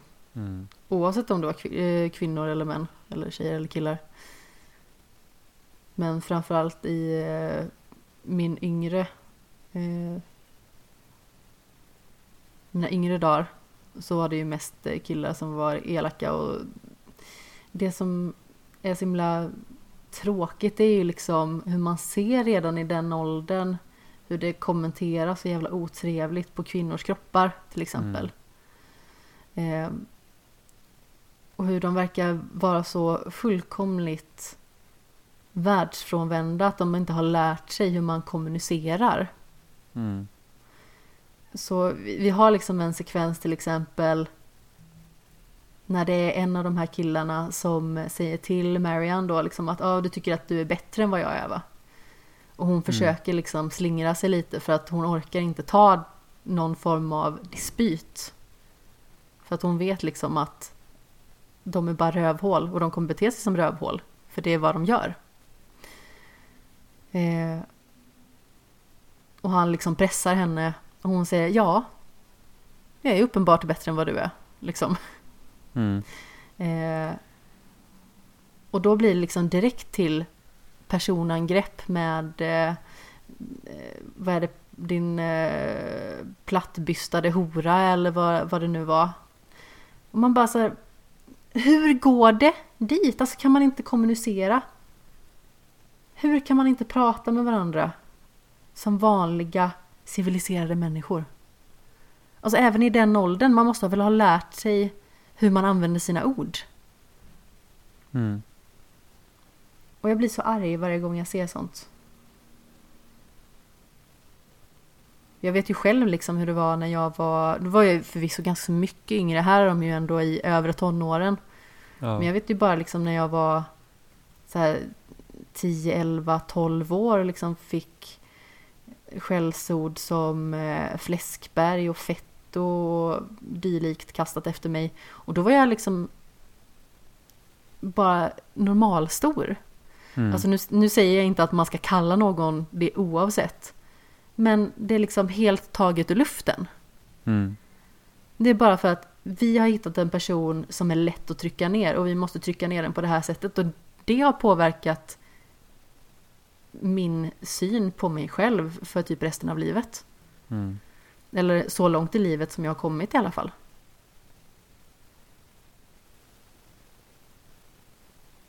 Och det tog väldigt lång tid innan jag liksom kunde se mig själv i spegeln utan att, att se de orden på något vis.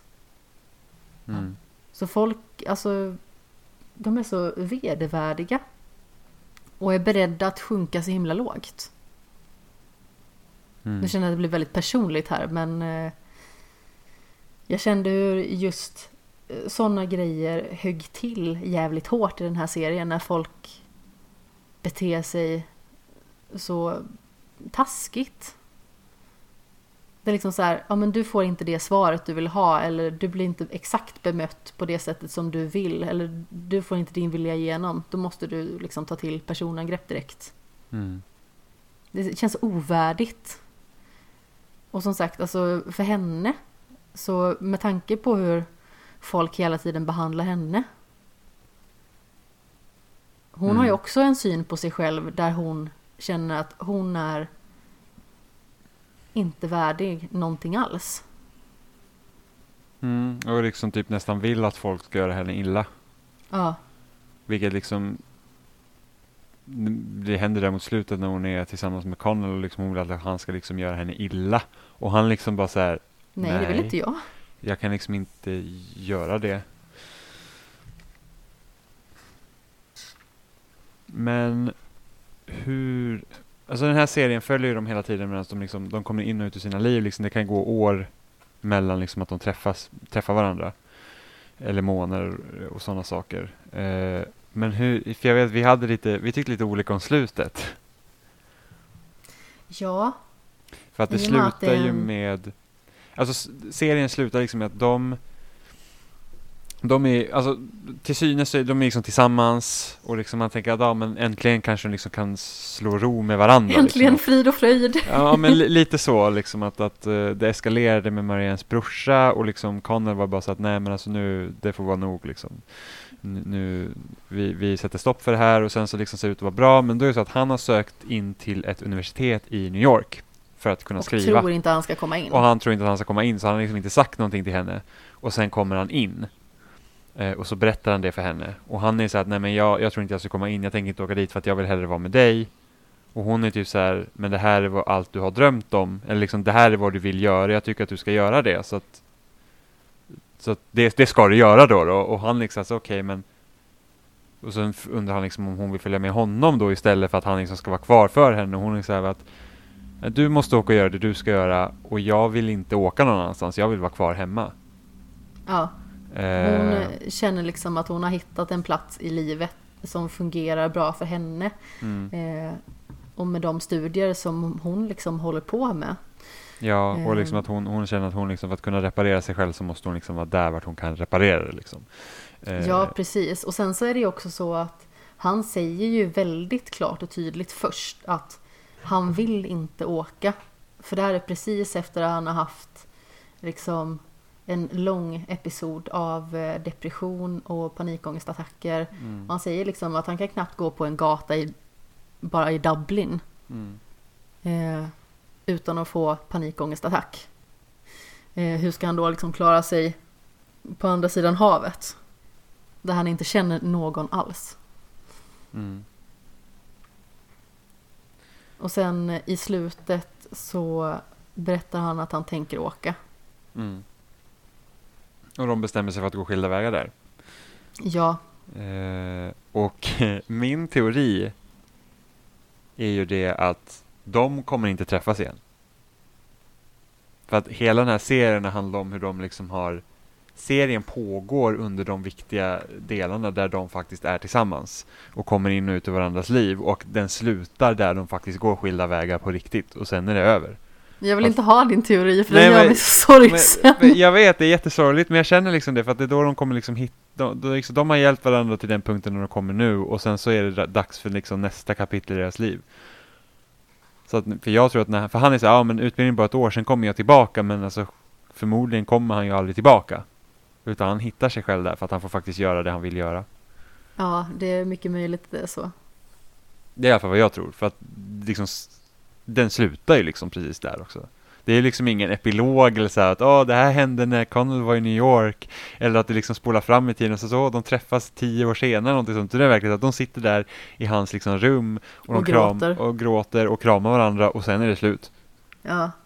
Alltså, jag vill ju se det på så sätt att vad som helst kan hända efter att den scenen liksom har spelats klart. Eh, men du vill gärna ta det ett steg längre och eh, säga att de aldrig ses igen. Ja, jag tror liksom Eh. att det, det, då har liksom serien har avhandlat liksom deras tid tillsammans och sen är det liksom slut. Alltså på sätt och vis, alltså, jag kan köpa det du säger för att jag menar det är en, det är en bra teori. Eh, men jag vill inte att det ska vara så. Mm. Jag vill liksom... Eh, jag ville ju att hon skulle följa med honom. Ja, jag också. Absolut vill jag det.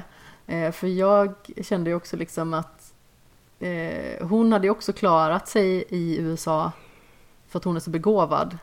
Så hon hade kunnat vara utbytesstudent där, hon också.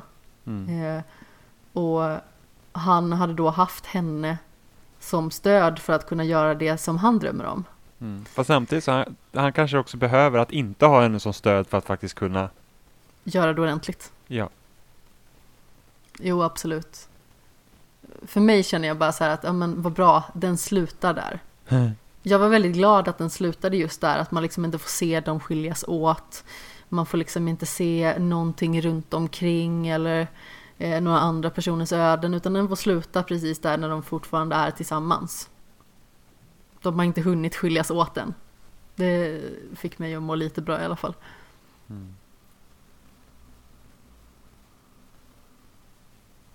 Nu sitter du och lurar där på andra sidan internet Vadå lurar? med dina teorier. Ja, men alltså ja. Jag hade ju bara tänkt att om de hade träffats igen så tror jag att vi hade fått se det som ett sånt slut istället. Kanske.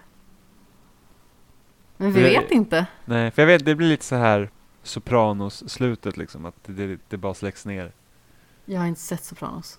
Men alltså, det var ganska kontro- kontroversiellt det slutet för att de, eh, hela familjen sitter liksom på ett, eh, på en restaurang.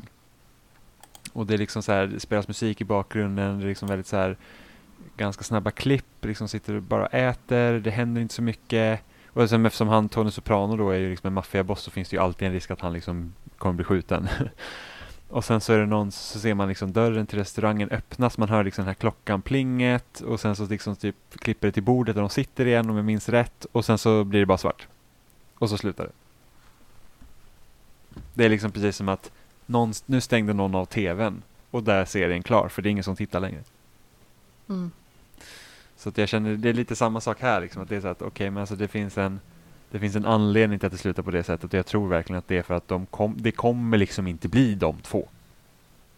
Nej, För att det är liksom, de skiljer sig åt där och då liksom, och de kommer inte träffas igen jag hoppas ju att de finner varandra igen men det är ju ingenting man behöver spekulera i i och med att serien egentligen tar slut där.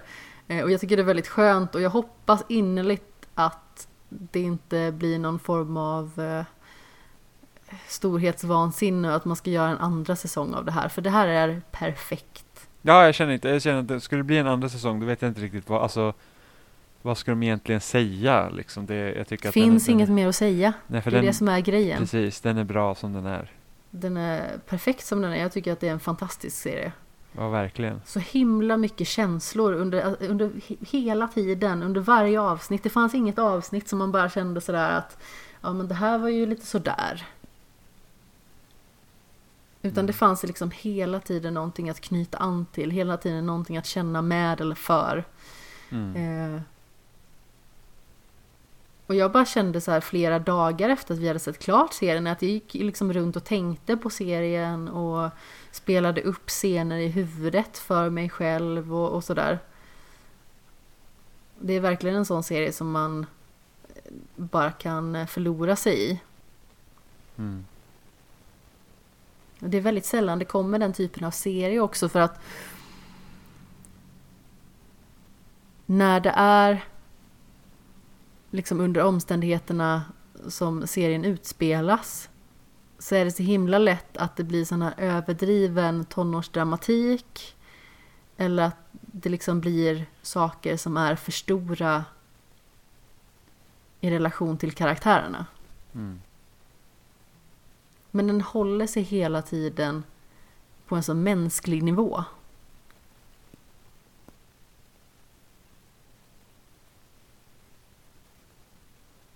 Och trots att som sagt Connell han beter ju sig lite tveksamt kan man väl lugnt säga. Eh, Mm. I många fall. Så är han ändå liksom lätt att tycka om. Man tycker ju om honom som karaktär. Ja. Och han är inte en sån här lovable douche karaktär. För det är liksom inte det att han är skämtsam och rolig och eh, samtidigt ett drygt rövhål. Utan han gör liksom saker eh, av ren oro för att typ skydda sig själv och det resulterar i att han skadar en annan person. Mm. Men han har också väldigt många fina sidor och jag tycker att det är bra att det liksom inte behöver ta så extrema proportioner. Ja. Jag tycker alltså skådespelarna är verkligen superbra. Alltså de Underbara. två huvudrollsinnehavarna är verkligen, alltså ba, bara det, det avsnittet där som du pratade om när han sitter och psyk som psykologen, alltså att hans rollprestation där är så himla bra. Den är suverän. Så En så himla tung få, scen alltså. Jag hoppas verkligen få se mer av båda dem. Ja. Tyvärr så är det ju så att det känns som att man ser inte så jättemycket liksom renodlade liksom irländska, skotska, walesiska skådespelare. Utan antingen så är de från England eller så eh, ska de liksom spela som att de är från England. Mm.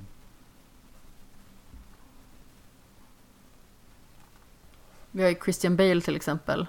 Som har jättebred dialekt. Och han har ju sällan fått eh, spela med den dialekten. Nej men precis. Det var ju ganska så eh, komiskt ändå. När han höll ett tal. Och folk liksom bara, vem är det du gör narr av egentligen liksom? Med den här eh, fula dialekten. Och han bara, så, jag pratar så här. Mm.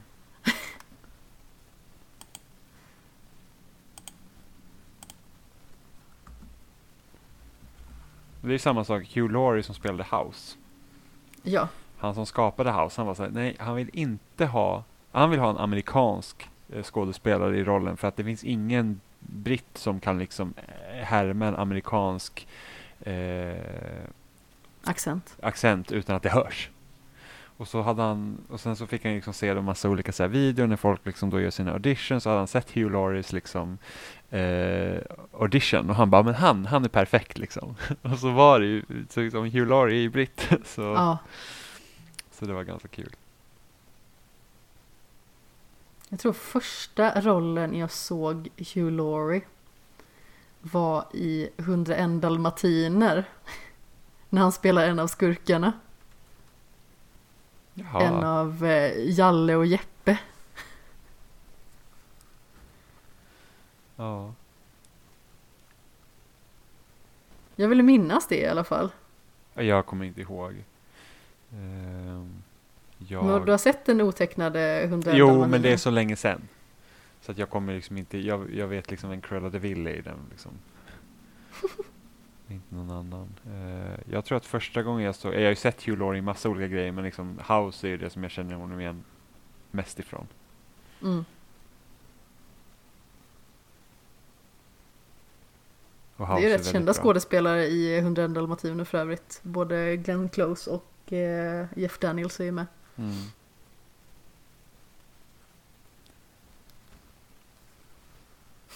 Vilket skevt sidospår jag kände att det där blev. Ja, verkligen. Men som sagt, jag hoppas verkligen att man får se de skådespelarna mer. Alltså framförallt hon.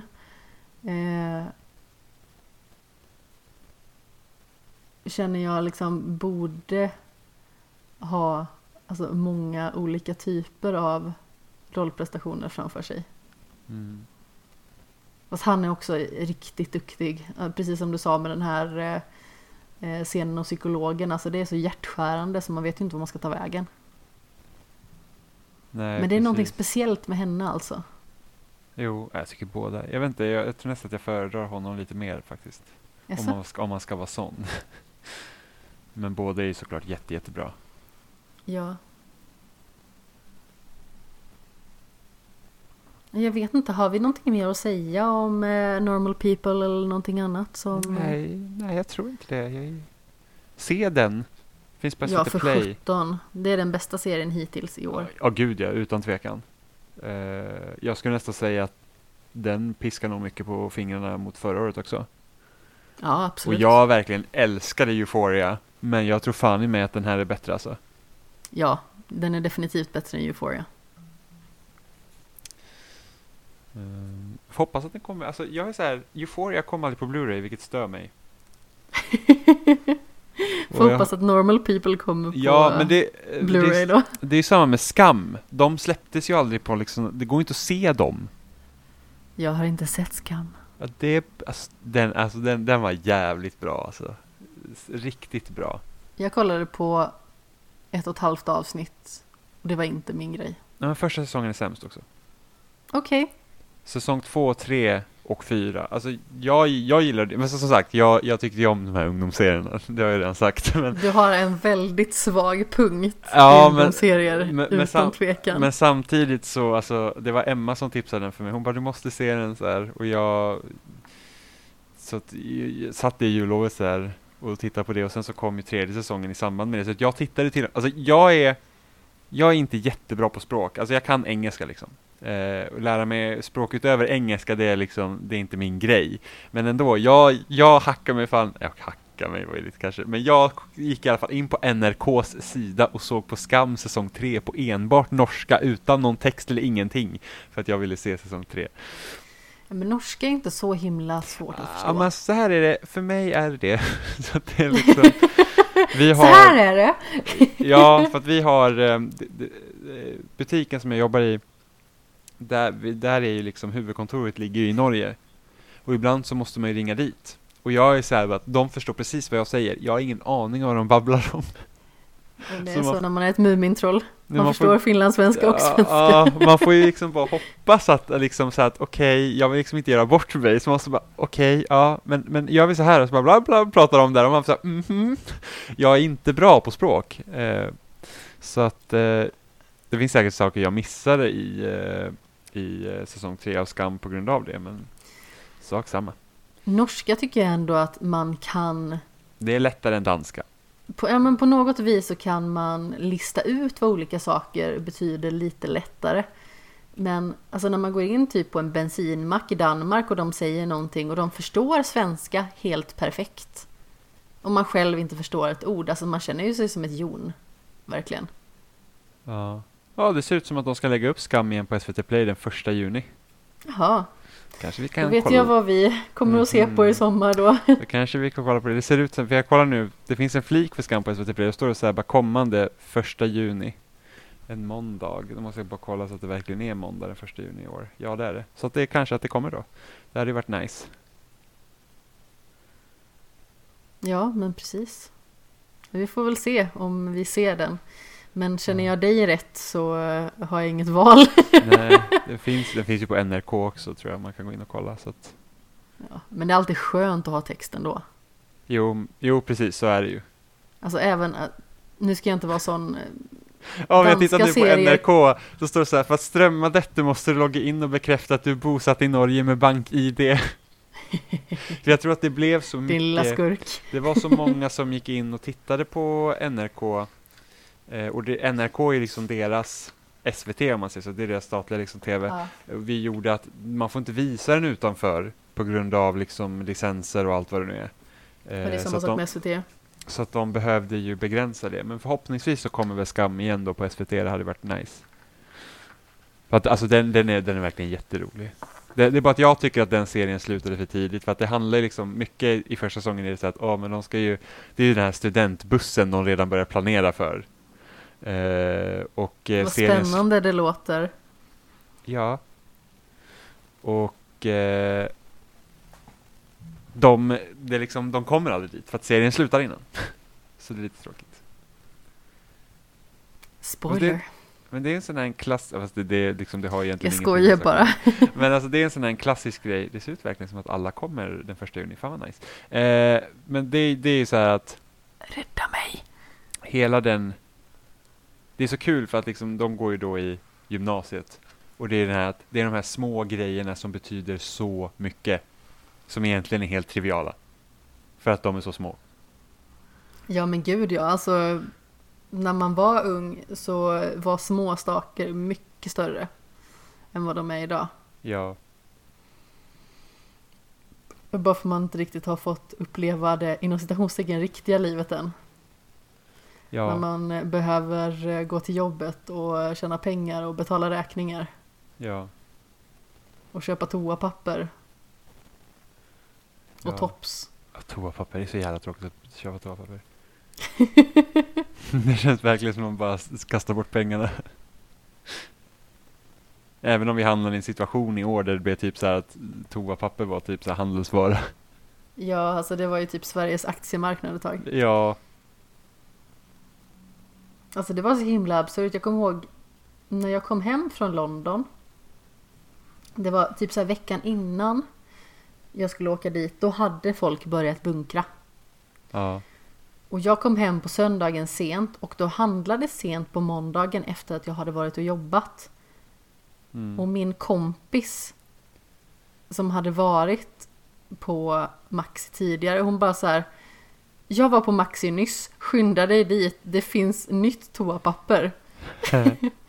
Eh, och då hade liksom de ställt eh, en eh, pall i mitten. Och det fanns typ så här fyra stycken balar kvar med Mm.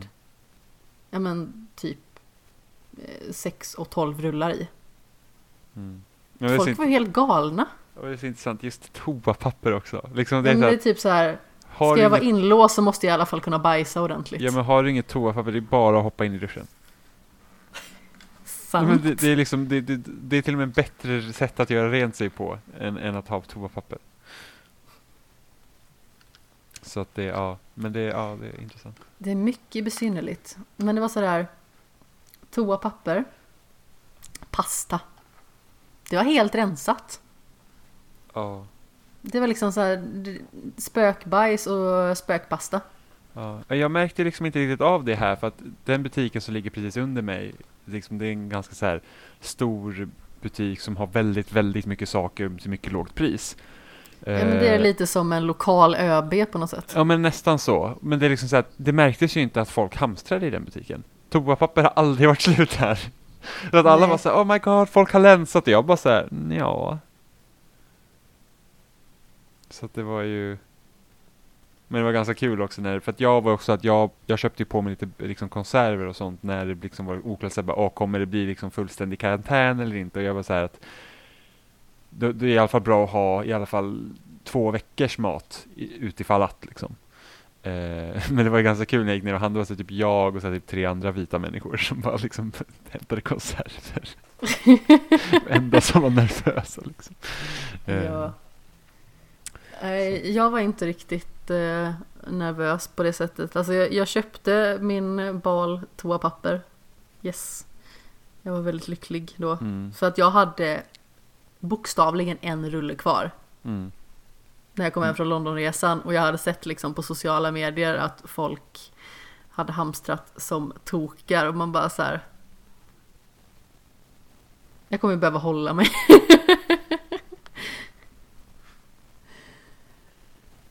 mm. Och sen så, jag vet inte, jag köpte nog på mig typ någon extra flaska Pepsi Max eller någonting sånt, bara det viktigaste. Ja, nej, jag... Eh, eh, men jag känner att jag, jag behöver liksom hämta lite extra mediciner och lite sådana grejer. eh, Ja, men det är ju jag hade- självklart. Precis, och så tänkte jag så att för att jag ska gå, slippa gå ut så mycket som möjligt så ska jag i alla fall ha så att jag klarar mig ifall att Mm. eh, Så att nu har jag, Jag typ så här ravioli och lite köttfärssoppa och lite andra grejer. Mm, vad trevligt. Mm, Kul när du Varma- ska äta det varma koppen.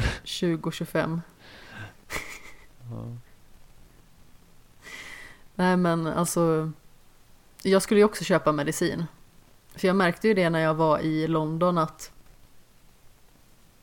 Alltså, jag trodde först att jag hade blivit lite nojig. Alltså så här, det kliar i ögonen, det kliar i näsan, det kliar i halsen, jag blir vansinnig. Eh, och så tänkte jag bara, har jag börjat noja nu eller har jag, är jag på väg att bli sjuk eller vad är det som händer? Och så bara så här, just det, det är varmare här nere. Pollensäsongen har dratt igång. Så när jag kom hem den där måndagen då, så skulle jag köpa medicin. All medicin var länsad. Helt orimligt verkligen. Mm. Eh, så jag, fick, jag tror jag fick gå till två stycken ställen till för att kunna hitta min allergimedicin. Ja. Men det var skönt när jag väl fick den i alla fall, för då kunde jag typ nästan andas ordentligt. Det är bra. ja, det är positivt. Ja. Ändå är man pollenpumba. Ja, jag slipper jag inte pollenallergiker. Nej. Du har tillräckligt Ja, jag har, med an- elaka jag, har- åkommor. jag har andra krämpor. Krämpor som en gammal farbror. Ja. Ja, du är ju snart 30. Ja, det är Ja, snart och snart. Det är ett år och typ två veckor kvar. Nej, det är ett år och eh, en och en halv vecka. Åh, Gud. Hur kunde jag ha så fel? Ja, alltså skam. Ja, Hur står du ens ut? ja man, man, man undrar ju. Ja. Som sagt. Nästa lördag fyller du 29. Oh. Låt inte så uppgiven. Nej, jag har haft, jag har haft typ så här ål- åldersnoja sedan jag typ var 17. Har du åldersnoja? Ja, Jag, nej, inte nu. Men jag hade typ när jag fyllde 18 så känns det jättelustigt. När jag blev 20 känns det jättelustigt. Jag hade 25-årskris hade jag. Det minns jag väldigt tydligt för att mina eh, två kompisar på gymmet hade väldigt roligt åt att eh, jag hade den här 25-årskrisen och de eh, ägnade väldigt mycket av sin vakna tid åt att göra narr av mig. Mm. Så eh, ja, jag tycker att de senaste åren så har det ändå varit ganska så lugnt. Men sen när man ändå känner så här att fasen jag, jag är inte så ung som jag känner mig. Jag känner mig som 23 fortfarande. Ja. Och så upptäcker man liksom att jag är 28 och när folk omnämner en som någon som snart är 30. Alltså Ja. jag blir ju passivt aggressiv då. ja, men den personen har ju inte fel. Nej men det var också min pappa och man bara så här, jag, du säger ju att jag är din lilla flicka.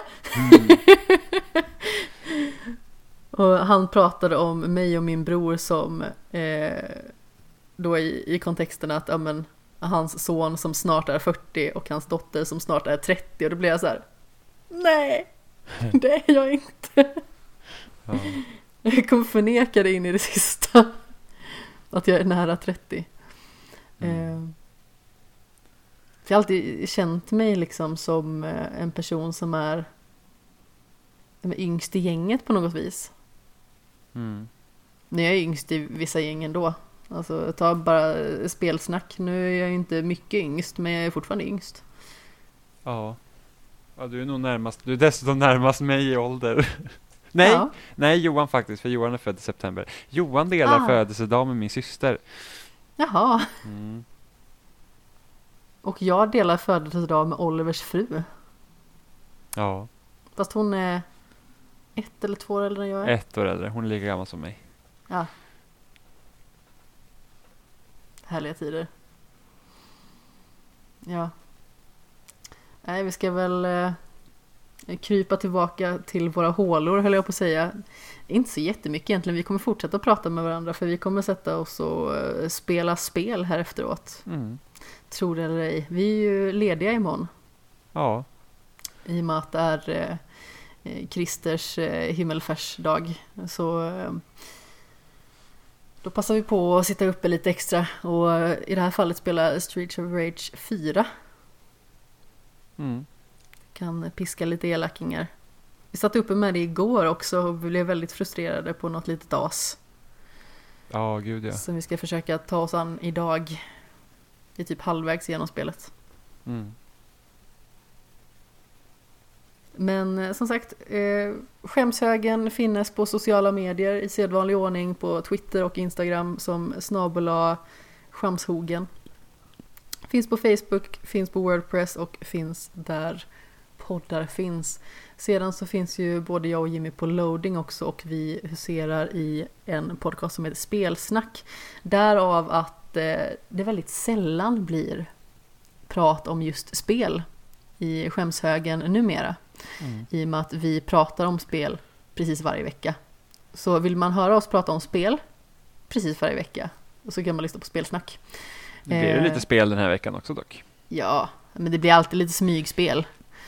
Eh, och sen så, jag har ju fortfarande kvar min decenniets spel. Tror inte att jag har glömt den eh, med min topp 100-lista där. Jag har ju fortfarande eh, fyra eh, avsnitt med tio spel i varje som jag ska producera och eh, slänga upp i vårt kära flöde. Så eh, ja, det kommer inom kort i alla fall. Och sedan så ska vi göra ett avsnitt med topp 50. Och det kommer Mm. också vara avsnitt 50, är tanken. Mm. Fyndigt va? Väldigt. Inte jätte, men det kändes bra i alla fall. Ja. Tänk, jag trodde inte att jag ens skulle komma över typ så här 10 avsnitt i skämshögen. Så här spännande. Jag kommer ihåg när jag tänkte när vi började spela, så jag bara tänkte vi har 20 avsnitt. För då körde vi Mm. varannan vecka också. Så skulle Och nu har vi ungefär- 325 avsnitt eller någonting sånt. Ja, yes. 325. Plus lite extra. Plus lite extra.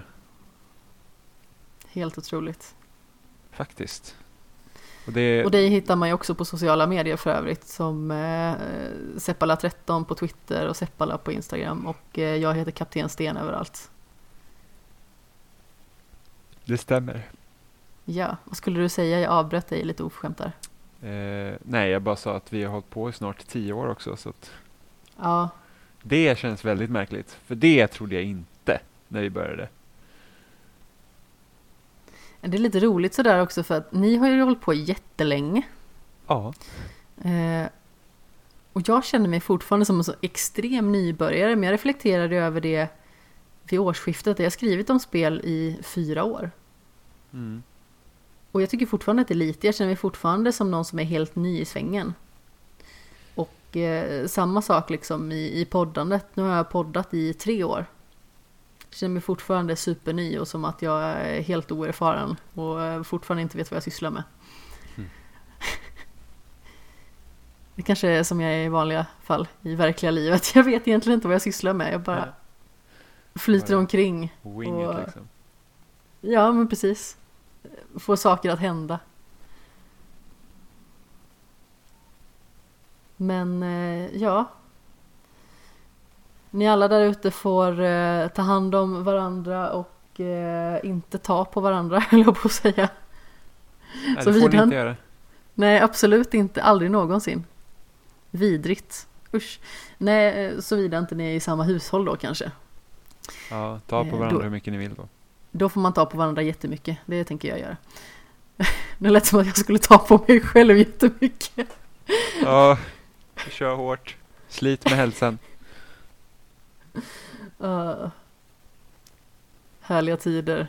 Eh, vad säger man egentligen? Släng puss i ljumsken eller? Ja,